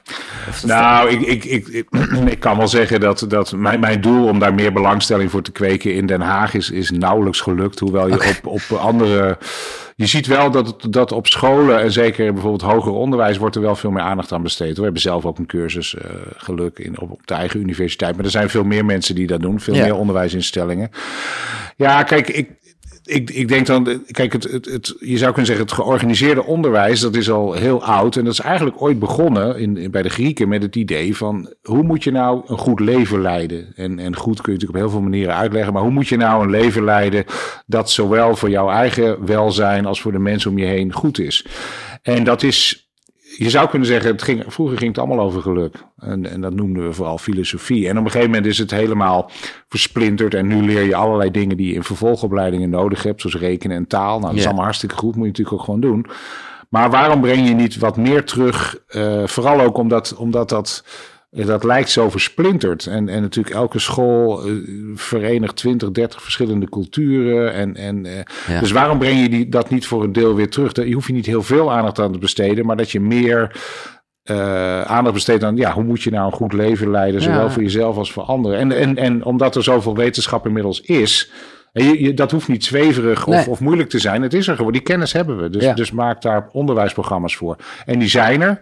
En ze worden gelukkig steeds meer gebruikt. Maar nog lang niet zoveel als ik zou willen. Ik, zou, ik wil dat elke lagere school in groep 7 en 8 daar gewoon wat aandacht aan besteedt. Nee, en dan in de middelbare school nog een keer, wat mij betreft. En zeer loffelijk streven. Nou ja, ik, ik, wat ik vooral wel voelde is dat ik wel dacht in, in jouw uh, update van uh, of geld wel, uh, maakt geld wel gelukkig of maakt geld gelukkig toen dacht ik wel van ja, dus is het helemaal niet zo gek dat de overheid daar toch ook heel erg veel, hè? want dat is, uh, was ook een beetje jouw aanklacht, dat de overheid eigenlijk voornamelijk bezig is met prestatie en dus geld.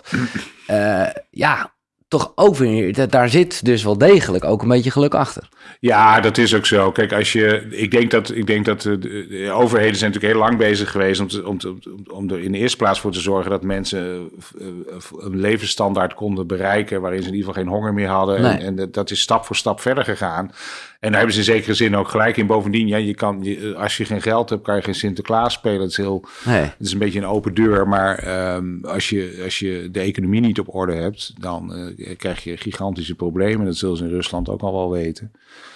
Uh, dus dat begrijp ik wel. Maar je, kunt, je kunt als overheid wel meer doen. Hè? Je, ja. kunt wel, je kunt wel op een gegeven moment oog hebben voor de volgende stap. Er zijn natuurlijk in Nederland ik denk dat een heel groot percentage van de Nederlanders heeft inmiddels bijvoorbeeld, uh, zeker, zeker volwassenen, hebben meer geld dan ze nodig hebben voor een eerste levensbehoefte. Nou, dan kun je, kun je ook vertellen wat, ze, wat nou een verstandige manier is om dat uit te geven. Ja, namelijk tijd, ervaring ja, en geluk van anderen. Ja, en, daarom, en dat is maar één voorbeeld. maar ik zou zeggen, doe, doe er in het onderwijs meer mee. Dat vind ik nog steeds. En nou, nogmaals, het gebeurt wel hoor. Het, gaat langzaam vooruit, maar niet, niet zoveel als ik zou willen. Maar hoe zie jij dan eigenlijk met... met uh nou ja, de onbewustzijnsbril op en de geluksbril op. Hoe kijk jij dan terug?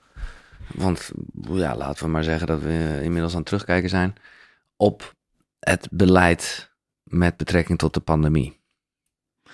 Um, nou, ik, ik, ik vind het. Uh, ik, ik denk dat ik minder negatief ben dan veel anderen. Ik vind dat de overheid vanaf het begin af aan uh, vrij consequent heeft gezegd: het gaat ons om de druk op de zorg. Dat is de bottleneck. Dat bepaalt uiteindelijk. Mensen mogen, het is niet zoals Nieuw-Zeeland. Mensen mogen hier wel ziek worden. Ja. Maar als het in de zorg uit de klauw loopt, dan moeten we ingrijpen. En dat hebben ze redelijk consequent gedaan. En uh, er, er, werd wel veel gejojoed, maar je kunt ook zeggen, ja, um, je, je, kunt de toekomst niet voorspellen. Ik denk dat wij twee jaar geleden dachten van, uh, toen begon het, van nou ja, oké, okay, en dat, dat, dat was nog even gaaf om mee te maken. En, ik, ik, dacht nog even, ik vond hem wel even gaaf om mee te maken. Ik ja. dacht, oh, een weekje in een lockdown, gaaf, een ervaring ja, erbij. precies, ervaring erbij. ja, en dan ging je er niet van uit dat het minimaal twee jaar zou duren. Nee. Uh, maar het is, het is een, uh, het is behalve een economische slijtageslag, is het ook psychisch wel een slijtageslag dat geworden. Ik eigenlijk. Dat vind ik, precies. Dat, dat, is wel, dat is wel een issue hoor, vind ik. Dat, dat uh, sommige mensen, de, de eenzaamheid was een heel groot probleem en nog steeds onder jongeren en onder studenten. Uh, de, de, met name de eerstejaarsstudenten die bijvoorbeeld een heel nieuw leven op moesten bouwen. Ja, dat ga je dan doen tijdens, met, met online onderwijs. Dat, dat, dat werkt allemaal niet goed. Uh, dat moet je niet allemaal de overheid aanrekenen natuurlijk, maar dat, dat is wel een slagveld. En ik, ik zie nu, nu, nu komt de volgende epidemie eraan. Dat is weer, dat gaan de, al die burn-outs in de zorg, in het onderwijs. Dat gaat nou enorm. Ja, dat is, het is nu een beetje, ik, ik, ik uh, ben ook wel positief gesteld dat ze sowieso gedaan hebben wat ze konden. Dus, en het is nieuw, dus... Uh, ja, dat ook. Ja. En, en dan kunnen we nu een beetje, de, hoe heet dat, de koen kont kijken. Nou goed, maar toch dacht ik wel ook, uh, nou ja, met, met, met jouw bril op vanuit de overheid meer bezig zou moeten zijn met geluk. Ja, dat is in ieder geval, die bril hebben ze in ieder geval zeker niet opgehad. Nou, het, ik, ze hebben het een beetje opgehad in de zin dat op het moment dat er lobbygroepen uh, heel stevig tekeer gingen uh, over bijvoorbeeld het feit dat het met, met middelbare scholieren en studenten zo slecht Mhm. gaat, ging. Ja, dan zie je op een gegeven moment dat Rutte dat wel erkent. Maar. Um, en dat ze ook wel iets willen doen. Dat ze bijvoorbeeld dan, dan zeggen ze: oké, dan krijgt het hoger onderwijs prioriteit. Dat mag weer live. En dan zijn andere sectoren zijn dan weer de bok. En ja, ze moesten elke keer afwegingen maken. Um, Nee, maar het is, het is inderdaad een bril die ze niet van nature op hebben. Nee. Dat klopt wel. Dat, dat merk je wel. Dat, dat, dat is toch iets wat, wat, waar je ze echt, waar je bij wijze van spreken acht keer over moet beginnen. En dan zeggen ze op een gegeven moment, ja. Terwijl in die end, ook financieel gezien, eh, het gek genoeg misschien wel toch, ja, het eh, belangrijkste is om je op te focussen. Want als mensen gelukkig zijn, dan zijn ze beter in staat om... eh, Ja, het is ook een, het is, het is ook een, eh, een deel van een buffer tegen echt grote problemen. Hè, Ja. geluk. Nee, ik, ik- we moeten het zien de komende tijd. Maar ik denk dat wat je natuurlijk vaak ziet in dit soort situaties, is dat mensen op het moment dat het allemaal nog niet zo goed gaat, eh zit, er- zit er voldoende spanning in hun lijf om het allemaal vol te houden. Maar op het moment dat er dan ontspanning intreedt, zoals nu, dan zie je in één keer dat er toch heel veel stress en ellende is opgebouwd. Ja. In de zorg zie je dat al lang, want daar, zie je, daar is ziekteverzuim heel hoog. Maar ik denk bijvoorbeeld dat nu dat dat nu in het onderwijs ook veel meer komt. En ja, en, ja dat, en, en waarschijnlijk nog veel. En dan het, natuurlijk de sectoren die, die, zo, die echt economisch hard geraakt zijn. Bedoel, Die horeca, die hebben allemaal enorme schulden gemaakt. Ja, ik zie dat toch wel. En hoe heb je dat eh, zelf ervaren? Want je bent iemand die graag eh, reist. Ehm, dus dat, dat, dat, dat moet ook even een ding geweest zijn. Nou, eerlijk gezegd nauwelijks. Ik, Oh. ik, ik ben natuurlijk, ik ben, ik ben bijna fulltime schrijver, dus dat, dat, Dat thuiswerken, dat, dat, Dat ken je wel. Dat, kende ik wel. en ehm, eh, ja, ik ben vorige zomer gewoon in Sri Lanka geweest. Het was een hele rare ervaring, want er was verder niemand. We waren de enige toeristen, zo'n beetje. Je hebt het hele land voor jezelf. Wij hebben wel, we hebben wel wat concessies gedaan hoor. Ehm, maar dat deden we eigenlijk toch al, omdat, omdat nou ja, we weten inmiddels dat vliegen toch al erg slecht is voor het milieu. Dus daar moet je Ja. ook niet te luxe mee omgaan. Maar ik, ik moet heel eerlijk zeggen dat wij niet eens zo heel veel. Ik heb eigenlijk toch wel twee keer een normale zomervakantie Ja, gehad. nou, ik ben dat- ver weg geweest, ben naar Bonaire geweest, ook nog een keertje. Wat is, eh, dit eh, gaat even eh, off-track uh, koekeroe, maar ook weer niet, want het is een ervaring en, en dat is dus belangrijk voor het geluk. Is Bagan nog steeds de mooiste plek om naartoe te gaan? Bagan, ja. Of Bagan, sorry. Ja, ja, nee, dat heeft, ja. ja. Ja, het is wat mij betreft nog niet overtroffen. Nee, oké. Ja. Als je zegt mooi, gewoon puur, ja, ja zeker. Ja. Wat mij wel heel erg trok, maar ik snap dat dat eh, in wezen niet zo'n heel mooi land is, of in ieder geval, de- maar ook weer met betrekking tot geluk, is dat Bhutan. Mhm. Dat is wel, ja, het fascineerde me. Ja, Ja, ben je geweest? nee, maar zoals doen, jij ja. erover schreef. Ja, ja, ja. en toen begreep ik later ook wel dat het ja, eh, toch minder vrijheid heeft dan je denkt, want er is niet eens persvrijheid. Maar ja, vanuit een geluksperspectief dacht ik nog, ja, misschien is persvrijheid eh, ja, ook wel een beetje overrated. Want ik merk dat ik, eh, nou zeker de afgelopen maanden, ook wel een beetje een struisvogel zelf ben geworden. En gewoon gedacht Ja. heb, nou, dit, dit, dit. Hè, met de stoïcijnse gedachte, ik kan hier niks aan doen. Dus waarom zou ik eh, me, me ermee... eh, Ja, ik weet ook niet of, of persvrijheid daar, eh, hoe je die daar moet, moet plaatsen. Kijk, ze, ze, de, de koning heeft op een gegeven moment gezegd: we willen ons richten op bruto nationaal geluk. En Ja. toen zijn er stapsgewijs allemaal democratische hervormingen ingevoerd. Maar de reden dat, het, dat ze, volgens mij, dat ze dat nog niet helemaal op het niveau hebben dat wij in het Westen normaal vinden, is misschien ook wel dat ze vinden dat mensen er gewoon aan moeten wennen. Dat je dat niet te snel moet doen. En dat is nog waar ook. Kijk, je kan natuurlijk zeggen, als je, als je daar de pers opengooit en, en een journalist zou de koning bekritiseren, dan heb je best kans dat die koning dat zelf helemaal niet zo erg vindt. Maar die bevolking, die trekt dat helemaal Nee. niet. Dus je moet, je- als je dat echt allemaal niet gewend bent, hè, die mensen hebben nu twintig jaar televisie. Het is het laatste land in de wereld dat televisie kreeg. Nou, ik raad het je echt aan, want het is, het is, ik vond het ook heel gaaf. Het is ook, het is ook een beetje een, een naïef sprookjesland Ja. ergens. Maar ik Maar zijn ze gelukkiger? Denk je? Ehm, Ja, er zijn van die onderzoeken natuurlijk altijd. ja, het is heel erg lastig, hè? Omdat je, omdat je voor. Ze zijn zeker niet, niet gemiddeld eh, gelukkiger dan, dan, eh, dan echt gelukkige landen, bijvoorbeeld in West-Europa. Maar eh, want je hebt elk jaar de, Ja, die- die- die, die die, ranking, ranglijst. In, Ja. maar dan zou je ze eigenlijk moeten vergelijken met de landen eromheen. En dan zijn ze wel iets gelukkiger. Alleen dat is ook weer lastig, want Bhutan is geen India, is geen Nepal. Ehm, eh, ik ben geneigd om te zeggen, ja, het helpt wel iets. Ze, zijn er, ze, zijn er, ze nemen dat echt wel serieus. En ze zijn, wat, wat, waar het in ieder geval toe leidt, is dat je bij elk wetsvoorstel heel goed nadenkt over wat doet dit met Ja. mijn mensen. Met, dat- met, betrekking tot geluk. Ja. ja. met betrekking tot Ja, geluk. Nou, dat, dat, dat, is, hè, dat is tegenovergestelde van Poetin, die, die eigenlijk daar nooit aan zal denken aan andere mensen. En wij zitten er allemaal tussenin. En Bhutan zegt nee, bij elk wetsvoorstel, elke maatregel gaan wij nadenken over wat het doet met het geluk van mensen. Maar er zitten allerlei mooie dilemma's. Dus ze willen hun cultuur beschermen. Dus moeten scholieren en mensen die voor de overheid werken, die hebben klederdracht. Ja. Maar ja, dan krijg je op een gegeven moment wel tv. Dus Ja. die, die, zeker de pubers, Die die, willen. die willen een keer wel wat anders aan doen, weet je wel. Ja, dat is, ik heb met die minister gepraat, minister van, van Geluk. En die, eh, ja, die, dat zijn echt van die dilemma's waar ze, niet, waar ze echt niet goed uitkomen nog. Jij noemt Poetin nu, het wordt bijna, eh, maar ik ben toch even benieuwd. Hoe kijk je naar de situatie in Oekraïne? Want je bent er ongetwijfeld geweest. Ja, nou niet eens zo heel erg lang. Ik, ik, heb ooit een, eh, ik ben ooit naar, naar Azerbeidzjan gevlogen. Toen had ik zes uur eh, oponthoud in Kiev. En toen ben ik naar het centrum gereden. En wat ik me nog herinner is dat er onder, dat is in 2015... Toen had eh, Poetin Krim al eh, bezet. En toen ehm, onder het Maidan, onder het grote plein... waren allemaal tunnels, van die looptunnels. En daar zaten souvenirwinkels in. En die verkochten allemaal playrollen met Poetin erop. Ah, ja, dus, dus ik, dat ik heb mijn rolletje nog wel ergens Ja, staan. Dus ja, alle ja. rijstprularia. Maar ehm, Ja, dus, dat, het- dus daarmee zeg je wel, dat, want ik heb echt totaal, dat zat er al wel echt allemaal in. Dit, eh, Nou, hij had toen de Krim al ingenomen. Ja, ja, en in het oosten waren er al separatisten. Die hadden toen ook een jaar eerder de MH17 eh, uit de lucht eh, geschoten. En dat was ook wel een van de redenen dat het heel makkelijk was voor mij om, om met die korte tussenstop naar het centrum van Kiev te gaan. Want dat hele vliegveld was uitgestorven. Daar vloog eigenlijk nog niemand op. Ehm, maar even los daarvan, ja, nee, ik vind, ik vind het afschuwelijk Ja, wat er nu gebeurt. Het is, Ja. het is, en het is, het is, het is ongelooflijk wreed. Het is ongelooflijk bot. Hij is nu ook niet meer met militaire doelen bezig. Hij is die, die, die ene stad, Mariupol, is die gewoon random aan het bombarderen om zoveel mogelijk wanhoop te zaaien.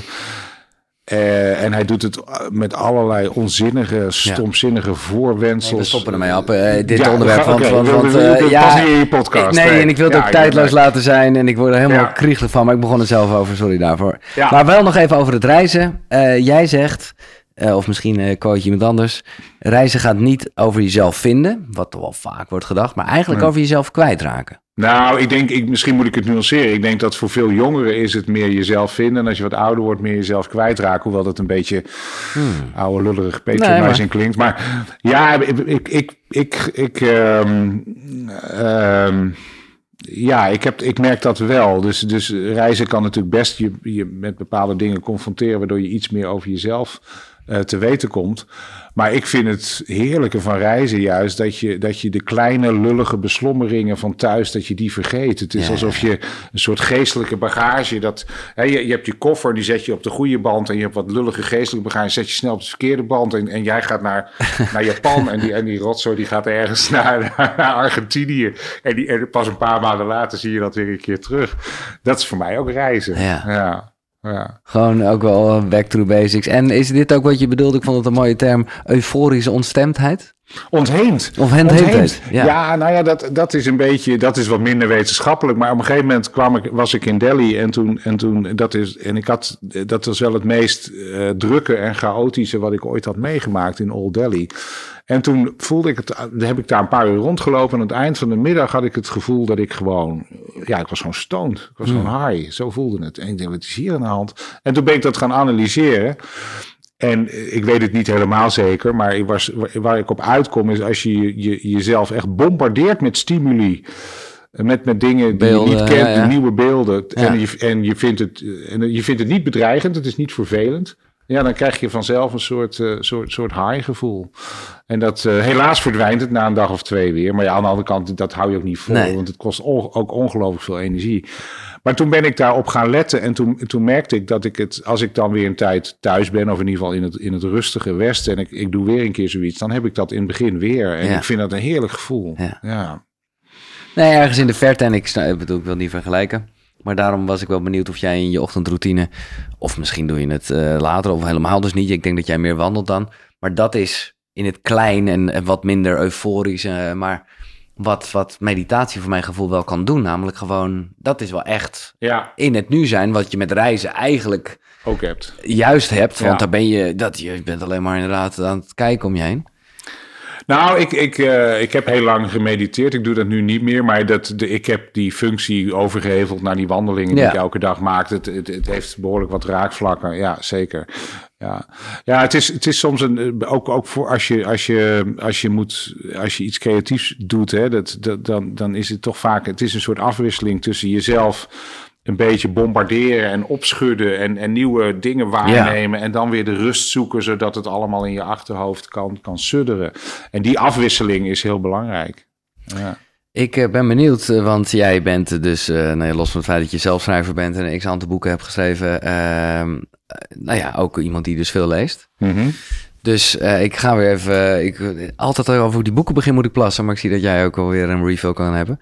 Maar we gaan naar de vraag, wat zijn voor jou uh, vandaag? Dat zei je er van tevoren wel bij, vind ik mooi, omdat dat is altijd even een tijdsbeeld. Maar uh, wat zijn vandaag voor jou de meest drie inspirerende boeken in uh, nou ja, het leven van Ab? Ja. Ik ben benieuwd. Oké. Okay.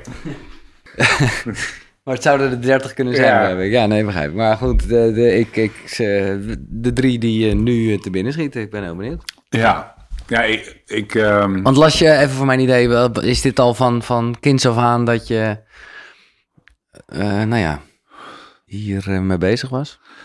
Ik, uh, ik heb wel altijd veel gelezen. Ik denk in de, in de tweede helft van de middelbare school wat minder. Dat is ironisch genoeg, omdat het dan even moet. Ja, dat, dat, dat, ken ik helemaal, ja. Um, en dat is niet dat ik het schoolsysteem dat kwalijk neem, hoor, want uiteindelijk komt het altijd wel weer goed. Maar ja, ja ik heb altijd heel veel gelezen en... Uh, en dat, dat ik, ik, lees ook altijd wel vijf boeken tegelijk. Ja. ja of, of in, ieder geval drie. En dat vaak ook maar dat is niet alleen maar uh, wetenschap, dat is ook fictie, romans, uh, toestanden. Ja, ik, ik, lees boeken over schrijven, ik lees oh, romans, ik lees reisboeken, ik lees wetenschappelijke boeken. het is alles door elkaar. Ja, het is ook een beetje afhankelijk van waar ik op dat moment mee bezig ben. Dus als ik een wetenschappelijk boek schrijf, dan lees ik natuurlijk meer wetenschap. En als ik, als ik een roman aan het schrijven ben, dan dan ben ik daar weer meer mee bezig. Dan lees ik ook liever romans van anderen, hoewel het ook altijd heel erg kan afleiden. Mm. Dat je mhm. continu ideeën hebt ja. van, oh, hier moet ik iets mee. Um, nee, duidelijk. Oké, nou, welke drie boeken? nou, je vroeg volgens mij van welke, welke echt invloed hebben gehad. En toen dacht ik, nou, dat, dat is eigenlijk wel een mooie. Um, ik, zeg, ik, zeg, niet eens dat het de drie beste boeken zijn, maar wel die invloed hebben gehad. De, de eerste is... Uh, The Great Railway Bazaar van Paul Theroux. Dat was, dat was, ik heb denk in mijn leven nu een paar honderd reisboeken gelezen. Maar dat was volgens mij de eerste. En dat is een, dat is een uh, boek al in die, uit de jaren zeventig van een Amerikaan. Die later heel veel reisboeken heeft geschreven. Die gaat met de trein helemaal door Azië. Uh, en dat, dat, toen dacht ik, Um, Wauw, dat, dat, wil ik later ook. Dat, dat heeft wel de reiziger in mij, denk ik, heel erg. Eh, ik, ik, ik, hield al van, ik vond het al geweldig om op vakantie te gaan in Italië als kind. Maar dat heeft het voor mij heel, heel erg versterkt. En toen, toen kreeg ik ook de ambitie om zelf een keer zo'n soort boek te schrijven. Zo'n dik dik vuistboek, vuistdik reisboek. En dat heb ik in 2019 gedaan, ja. Wegwee. Wegwee, ja, fantastisch hoor. Ik, uh, gewoon meer over Azië, Centraal-Azië. Iran onthutsend. Nou ja, dat is uh, een mooi reisboek. Um, de tweede. En dat... Maar nog, sorry, nog heel even dan over de. Want ben jij dan op het moment dat je. Uh, hè, jouw laatste uh, trip is Sri Lanka geweest. Lees je dan reisboeken over Sri Lanka of doe je dat juist niet? Ja, dan lees ik er wel één of twee van tevoren. Ja, Ik vind het leuk om wat meer te weten voordat ik ga. Als ik, als ik, er, niet, als ik erover zou schrijven, lees ik nog veel meer. Want Ehm, ja, dan, uh, ja, een, reisboek wordt beter naarmate je meer weet van wat je ziet. Hoewel het ook nadelen heeft hoor. Het, het is, kan natuurlijk ook wel heel leuk zijn om gewoon volkomen. Daarom vraag zo'n, zo'n uh, ja. Um, ja. Nee, maar ik, ik, ik heb uh, over Sri Lanka heb ik één of twee boeken gelezen. Niet zo heel veel van tevoren, maar wel wat. Ja. Oké, boek twee. Dat is Consciousness Explained van Daniel Dennett. Ja, dat, dat is, een, dat is een, eigenlijk een hij, hij zelf noemt zichzelf een bewustzijnfilosoof, volgens mij. Die heeft in de jaren 80 en 90 vooral allerlei boeken geschreven over het brein en over bewustzijn.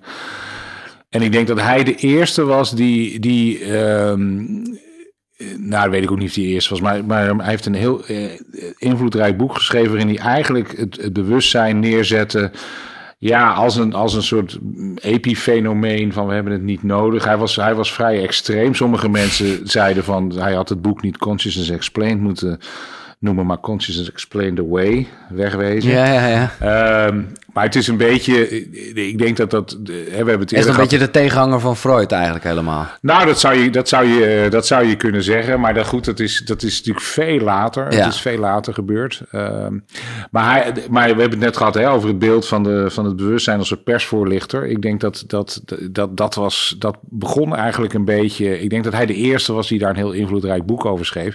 En dat was voor mij wel een. ehm, ik las dat volgens mij ongeveer tijdens mijn afstuderen. En dat was voor mij wel een reden om, eh, nou niet om de wetenschap in te gaan, maar wel om, ehm, om dat ook te gaan onderzoeken. Ik dacht, daar moet ik iets mee. Met, met het feit dat al die onbewuste processen veel belangrijker voor ons zijn dan, eh, dan, ze, dan dat veel mensen denken dat ze zijn. Ja. Ehm, en dat, dat voedde dat idee heel sterk. Nou, laat ik daar maar. Ik hoop dat je er in je inspiratieboek op terugkomt. Eh, want we, ik, ik, ik realiseer me dat ik nog één vergelijking nog niet verteld heb. Die ik met veel plezier gelezen heb over het bewustzijn en het onbewustzijn. Dat is namelijk het, eh, het verschil in, in lamp. Ehm, dus Ja, als ik het goed. Nou ja, jij kan het beter uitleggen. ja dat als je, als je probeert heel bewust naar het onbewuste te kijken, dat is net zoiets als, een, als met een zaklamp Nee. in donker zoeken. Bedoelde je Nee, niet? die Nou, bedoel, bedoelde ik je niet. Nee, nee, nee. Ik bedoelde meer dat als het gaat over nadenken en dingen die op het puntje van je tong liggen. En dus ook creatieve. Ja, precies. Dus dan is het bewustzijn. Ja, snap wat je bedoelt. Ja, Ja, dat zit ook in het nieuwe boek. Ja, dat idee is dat als je, als je probeert eh, met bewust nadenken iets te vinden, dan ben je eigenlijk heel gefocust en heel erg gericht. En als je, en je onbewuste is ook bezig met, met dat soort zoekprocessen, zou je kunnen zeggen. En dat is wat minder gericht, wat meer speels en heel breed. Dus Ja. dat gaat alle. dus je ziet het minder helder, maar het is wel veel meer. ja, eh, ja, en die afwisseling heb je nodig. Dus, dus, dus je, je, je onbewuste kan ook heel veel dingen eh, met elkaar verbinden en in één keer met een briljant idee komen. Maar daar heeft het soms wel heel veel tijd voor nodig. En dat, dat, daar kun je met je bewustzijn, kom je daar niet op. Nee, omdat je dan alleen maar. Ja, dan eh, zit je veel te smal. eh. ja, Nee, dat, dat is zeker een belangrijk, eh, belangrijk punt in dat, in dat inspiratieboek. Ja. Ja. Oké, je laatste boek. Laatste boek, dat, is, dat vond ik nog wel de lastigste, maar dat is voor nu. Ik heb, ik heb voor het inspiratieboek heel veel biografieën gelezen. En dat, dat komt ook wel. Nou, ja, punt 1 vind ik dat heel leuk om te doen, want die zijn op, op zichzelf weer inspirerend. Maar ook wel omdat er natuurlijk wat minder wetenschap over dit onderwerp is dan over sommige andere dingen waar ik over geschreven heb. En ik zou er wel tien kunnen noemen, van, van Einstein tot Martin Luther King tot, tot weet ik het, John Lennon. Wat ik misschien wel de leukste vond, is ook wel omdat het een van de eerste was die ik las, was van Steve Jobs. Ah, Nou ben ik helemaal niet zo'n fan van de man Steve Jobs.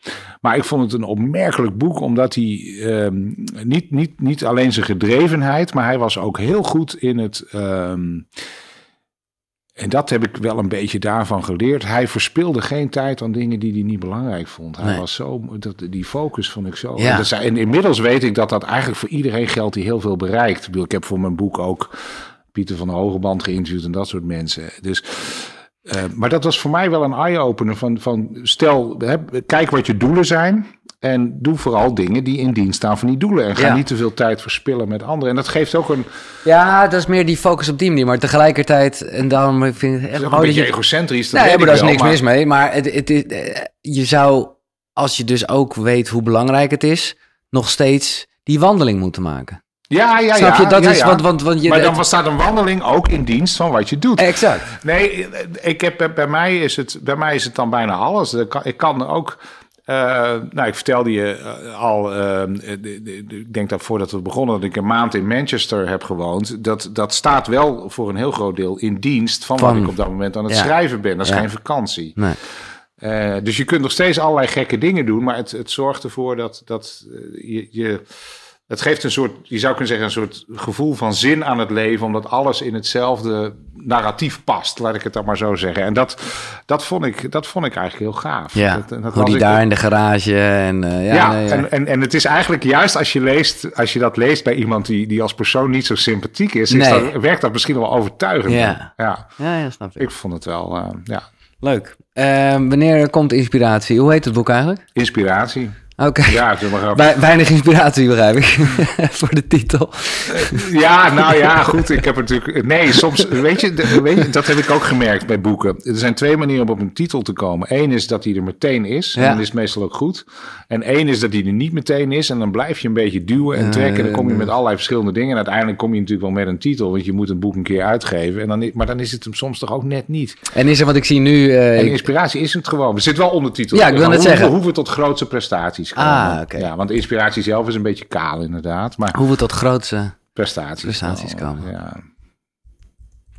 Wel, wel, wel. eh, ja, nee, precies. Het slim onbewust is denken met gevoel. Wat ik heel mooi vind. Op naar geluk, de psychologie van, psychologie van een fijn leven. Ja, misschien heb ik gewoon een verkeerde associatie met het woord prestatie. Want het voelt weer gelijk als een product. Maar, nou ja, ik ga het sowieso lezen, maak je geen zorgen. Maar snap je wat ik bedoel? Ja, ik geloof, ik geloof dat dat een van de dingen was die, die, die de redacteur ook zei. We hebben uiteindelijk een soort compromis. eh, Oké. Maar met grote prestaties, hoe een brein tot grote prestaties komt. Nou ja, het product is inspiratie. En Ja. inspiratie in de vorm van Ja. goede ideeën, goede. Maar je mag, ja, goe- goede, goede muziek. Ja, je Ja. kan dat een product Het is een prestatie. Ja, En het is, ja. uiteindelijk is het een prestatie. Ja, ik snap wat je bedoelt. Ja. Ja, dit is leuk. Ik onderbreek even het gesprek, maar eh, alle boeken die je net gehoord hebt, die zijn terug te vinden natuurlijk op de site koekeroe.nl slash boekenkast. Maar ik heb een extraatje, want daar vind je ook een link naar een aanbieding van Nextory, waarmee je alle boeken 50 dagen gratis kan lezen en luisteren. En hebben we het niet alleen over deze drie boeken, nee, er staan daar 300.000 luisterboeken en e-books. Dus ga naar koekeroe.nl slash boekenkast om 50 dagen lang gratis Nextory te gebruiken. Top toch? Thanks. Ehm, het is een wat gekke vraag, maar je bent daar wel ook mee bezig in op naar geluk. En eh, onbewust, nee, als mens ben je er gewoon mee bezig. Hoe spiritueel ben jij? Ja, dat is, dat is een beetje hoe je het, eh, hoe je het definieert. Hè. Ik, ik, eh, ik ben natuurlijk als wetenschapper eigenlijk best nuchter. Ik ben niet, ik, ik, ik, hou niet, ik ben niet zo bezig met, met dingen die, die andere mensen al snel als eh, zweverig zien. Aan de andere kant, ik neem, eh, ik, ik neem dingen die de mentale gezondheid, eh, mijn, mentale, mijn eigen mentale ges- gesteldheid ook, maar, geldt, maar, ook voor anderen, Ja. die daar in potentie iets mee kunnen, neem ik heel serieus. Ik, bedoel, ik ben, niet, ik ben ook niet iemand die snel dingen afserveert. En ik zei al, ik heb, ik heb ook een aantal jaren echt, echt wel, wel trouw een paar keer per, in begin zelfs twee keer per dag en later een paar keer per week gemediteerd. Ja. Ik loop ook niet snel voor dingen weg of zo. Nee, omdat het, ik vind het mooi dat eh, jij wel net als wetenschapper, eh, zeg ik dan maar even, eh, toegeeft dat over het, het subjectieve waarnemingsgedeelte Ja. nog steeds weinig weten. En dat is, ja, je legt een vergelijking met het universum, het, het, het onverklaarbare. Ja, misschien is dat wel juist waar, waar, nou ja, waar spiritualiteit over gaat. Nou, ik denk het wel. Ik, ik, eh, of in ieder geval, daar zou het over moeten gaan. Goede Ja. spiritualiteit zou erover moeten gaan. En dat, dat eh, ja hoor, dat, dat geloof ik wel. Ik, eh, ehm, ik, ik, ik kijk bij, ik ben, ik ben, ik, ja, ik heb, eh, laat ik het zo zeggen. Ik heb, ik heb soms wel de sceptisch van een wetenschapper, maar ik, ik, ik, ik, ik, denk wel over dingen na voordat Ja. ik, eh, voordat ik, eh, met, ik ga niet met dingen meteen afserveren of zo. Maar heb je vanuit nieuwsgierigheid, ben ik gewoon benieuwd, ook daarin, want je hebt echt al reizen gemaakt op plekken dat ik ook denk, ja, heb je nog, en ik weet dat je van whisky is geloof ik, in ieder geval. eh, Ja, eh, ja. Maar heb je dingen als ayahuasca of paddenstoelen of... eh, eh,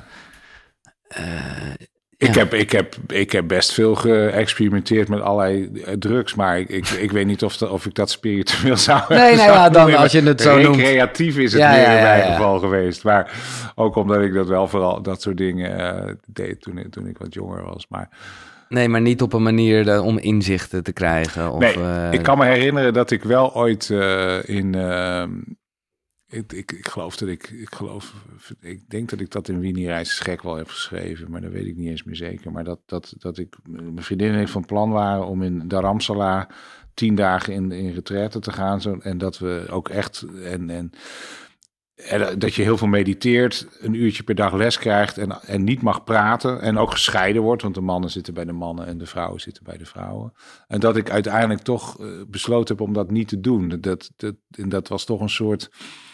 Nou ja, eh, sterker nog, we zijn, andere, we zijn, we zijn, we zijn toen op een, op een, uh, op een veel lichtere driedaagse retraite Mhm. gegaan. En na anderhalve dag werd ik helemaal gek van. En toen ben ik weggerend uit dat, uh, uit dat ja, wat eigenlijk een boeddhistisch klooster Ja. het was. Jij had je ook jezelf liever schokken willen toedienen op het moment eigenlijk. Ja, ik merkte dat ik dat. dat maar dat, nou ja, dat is wel een mooi voorbeeld van hoe je toch, ehm, eh, om het maar even clichématig, hoe je toch dichter bij jezelf komt. En dat reizen dus ook wel degelijk eh, kan betekenen. Ik, ik leer, ik, wat, ik, wat, ik, wat ik toen bevestigd kreeg, is dat ik een. In psychologische termen een gigantische autonomiebehoefte heb. Je, ik, ik moet echt gewoon, je moet mij niet doen. vertellen, om Ah, zeven uur gaan we mediteren, om kwart voor acht krijg je Nee, thee, precies. om negen uur krijg je ontbijt. Want dan ben ik net een hoofdstuk in een boek aan het lezen en denk ik, nou, donder op, ik ga, ik ga verder.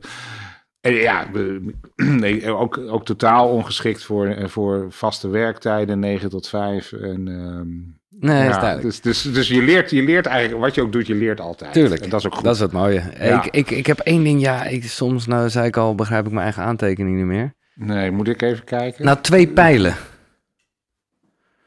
Maar dit gaat even, dit is even, even oh, dit, eh, oké. Eh, dat is, dat is, dat is boeddhist, de boeddhisme. Een fraaie en inzichtelijke metafoor bij het begrijpen van een emotie als woede is die van de eerste en de tweede pijl. Oh ja, dat vond ik interessant. Nou ja, oké. het- het- als je partner iets vervelend tegen je zegt, word je geraakt door een eerste pijl. Je voelt een fysieke reactie.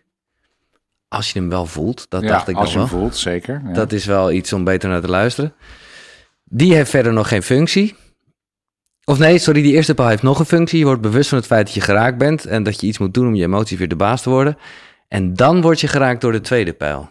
En die, ja, dat, dan ga je. Dan doe je het zelf. Hè? Dan Ja, ben je dat- zelf gedachten aan het genereren die je op zich niet hoeft te genereren. Nee, dus dat is een beetje de klassieker. eh, hoe ga je om met de situatie? Dat is eigenlijk de tweede pijl. De, de- ja, Ja, ja. ja, precies. En dat, dat een hoop van die negatieve emoties, die doe je voor een deel ook jezelf aan. Hè? Ik bedoel, je, je maakt het veel erger dan, eh, dan wat noodzakelijk is. Door er maar over te blijven dubben. ja, Ja. dat is eh, nou, goed om weer eens te Is realiseren. ook weer sto- is- lijkt ook weer op de stoïcijn. Hè? In Ja. die tijd waar zag je op verschillende plekken in de wereld hadden mensen vergelijkbare ideeën. Eh, leef niet alsof het je laatste dag is. Nee, nou ja, dat, dat, is zo'n, zo'n, dat is een beetje zo'n wijsheid die een beetje onzinnig is. Als je dat zou doen, dan, dan, dan zouden wij hier met een paar hele dure whiskies zitten. Ja, dat kun je elke dag doen en dan op een gegeven moment ben je dood. Dus je moet, Ja. je moet niet leven als je moet niet elke dag leven alsof het je laatst is. Ik denk wel, er zijn een aantal dingen die goed zijn. Dat je, dat je, dat je open probeert te blijven voor wat je meemaakt. En dat je, hè, dat soort dingen zijn goed. Maar niet, je, maar, maar als je echt zou zeggen, dit is mijn laatste dag. Als je dat letterlijk zou nemen. Ja, dan men, mensen zouden het raar. Als jij nog 24 uur zou hebben, wat zou je dan doen? Nee, ik weet het ook niet. eh, maar ik ik- denk dat ik vrij extreme dingen zou gaan doen. Ja. Maar, nou laat ik het zo zeggen. Misschien is dat een andere vertaling dan eh, leef niet alsof je laatste dag is. Maar ik vind het wel fijn om te leven met de gedachte dat het zomaar afgelopen kan zijn. Dat is heel erg wat, Ja. ik, wat ik ook geleerd heb. Eh, dat Ja. had ik al een beetje die instelling. Want ik zei vroeger als kind, ik weet ook niet waarom, eh, ik word maar 28.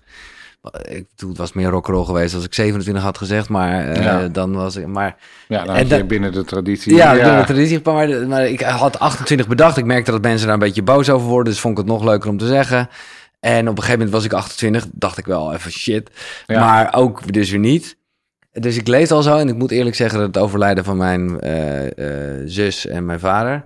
dat alleen maar meer bekrachtigde. En dus helemaal niet zo desperate. Oké, we gaan nog even eh, los. Maar wel zo van, oké, als ik, ik wil wel gewoon zo kunnen leven. Ik wil echt niet te veel... Nou ja, je, je, jij liet de term bucketlist vallen Ja, geloof daar helemaal niet in. Want Nee, ik dan, dan, niet. dan, ik wil gewoon straks onder die bus kunnen lopen en denken, ja, ja, jammer. ja dat, nou, dat heb ik ook heel sterk. Ik heb dat ook wel gemerkt in de, in de pandemie. Dat mensen zulke, voor mij, eh, vreemde ehm, argumenten gebruiken. Voor, voor, voor bijvoorbeeld als, als mensen dan zeggen, nou ja, maar, maar zo'n zo'n vaccin...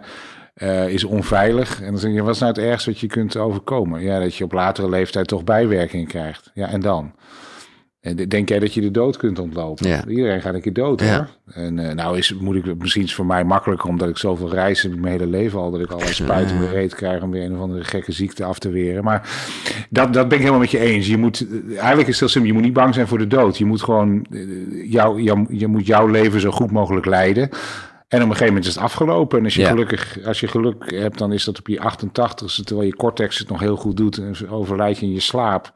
En als je pech hebt, dan, dan heb je morgen een, een, weet ik, een, een tumor op je alvleesklier. En dan heb je nog drie weken. Ja, Ja. En, en dat, is, dat, is, dat is heel erg, maar dat, je, moet daar niet, je moet je daar niet heel erg door laten leiden. Nee, nog zo. even één keer die Epicurus. Je wist hem net mooi nog te... Ja, zolang, de, zolang jij er bent, is de dood er niet. En als de dood er helemaal is, ben jij er niet meer. Nee. Dus nou ja, het, je bent niet bang voor de dood.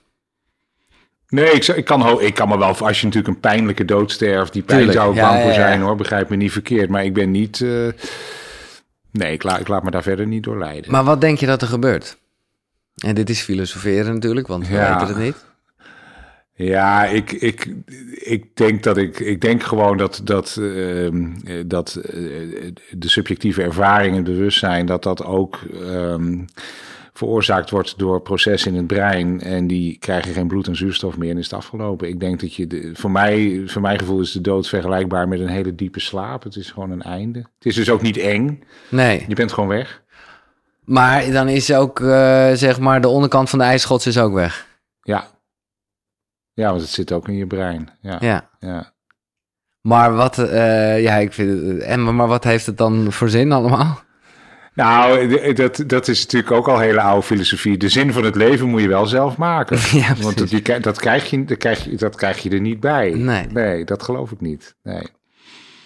Nee, ik, het zou, ik, denk, ik kan me best voorstellen voor, voor, voor veel mensen dat, dat het, het, het, het geloof in een hiernamaals, dat dat heel mooi en troostend is. Maar ja, ze noemen het niet voor niks een geloof. Ik heb het niet. Nee. Ik kan dat ook niet opwekken of zo, omdat het nou helemaal wel, wel fijn is. Nee, Nee, maar ik bedoel, ja, als je iets niet gelooft, dan geloof je dat ook. Wat bedoel je? Nou, dat is altijd zo met geloof. Ja, ja, je hebt Ja, je bedoelt, dit is ook een geloof. Ja. Ja, oké. Nou, dat, dat, dat is gestoeld in wetenschap. En dat is voor mij de manier om, om eh, fundamentele kennis te verzamelen. Maar wetenschap is inderdaad nooit klaar. Ik bedoel, je hebt gelijk in de zin dat... ehm, dat, dat ik het, ik zal niet zeggen dat ik het 100% zeker weet. Nee, Nee. zeker niet. Maar het- ik weet het wel voldoende om te zeggen, ik kan dat niet kunstmatig veranderen. Nee. Alleen omdat het er beter uit zou komen.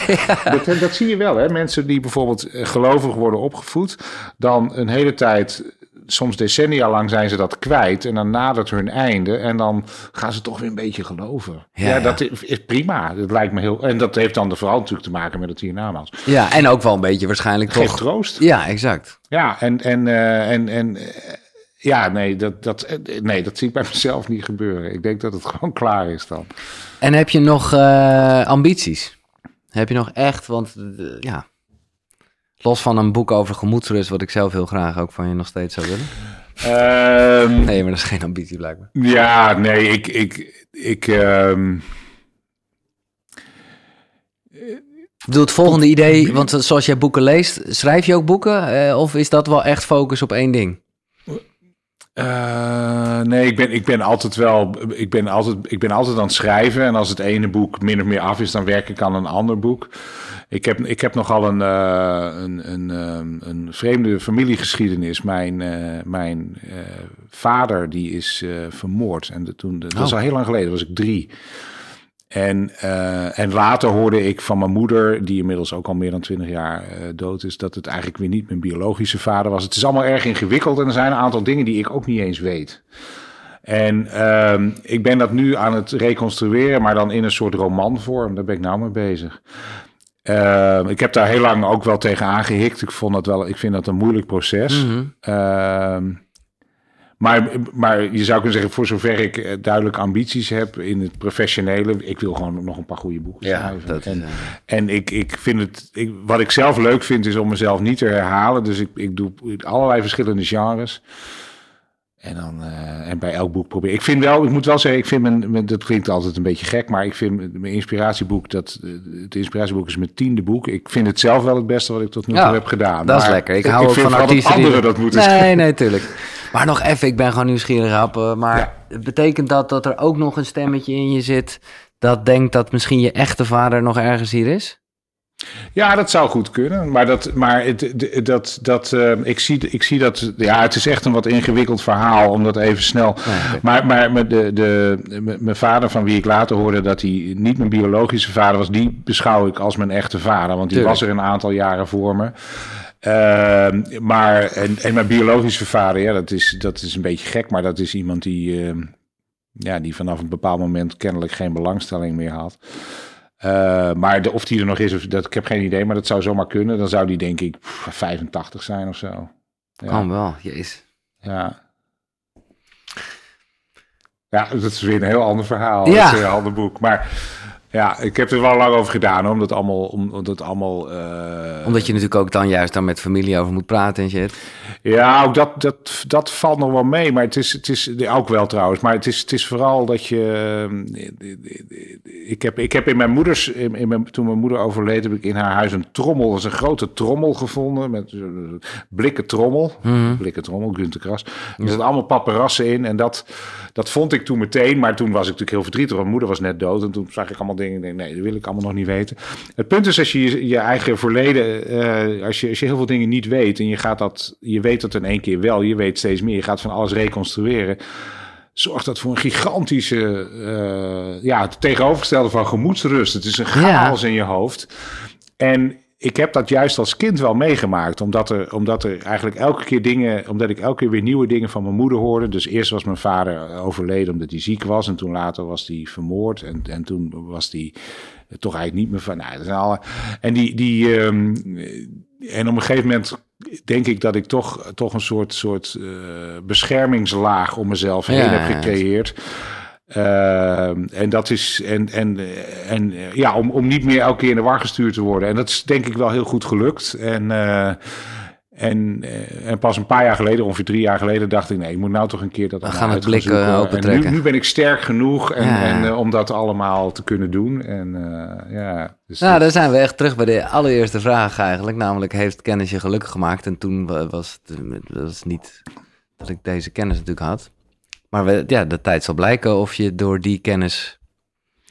eh, ja, ik denk wel dat je er geloof Ik denk het ook wel. Ik denk het ook wel. Maar je moet dat, je moet dat soort dingen wel doen als je er klaar voor Ja, bent. Ja, dat klinkt dat een snap beetje. ik heel erg, ja. En, en, en dat en nou ja, en dat is wel, dat past wel in het verhaal. Wanneer ben je er klaar voor? Ja, als, als al die onbewuste processen daar op een gegeven moment dat allemaal verwerkt hebben en, en tegen je zeggen van in, zo'n soort intuïtieve beslissing van Ja. nu begin er nu maar aan, nu kan het allemaal wel. Ja, zo en dat kun je niet, dat kun je niet zelf versnellen. Nee. Dat, dat, dat, ja. Maar oké, laat ik nog één vraag stellen die ik zeker aan jou had moeten stellen... en dus nu ook nog kan doen.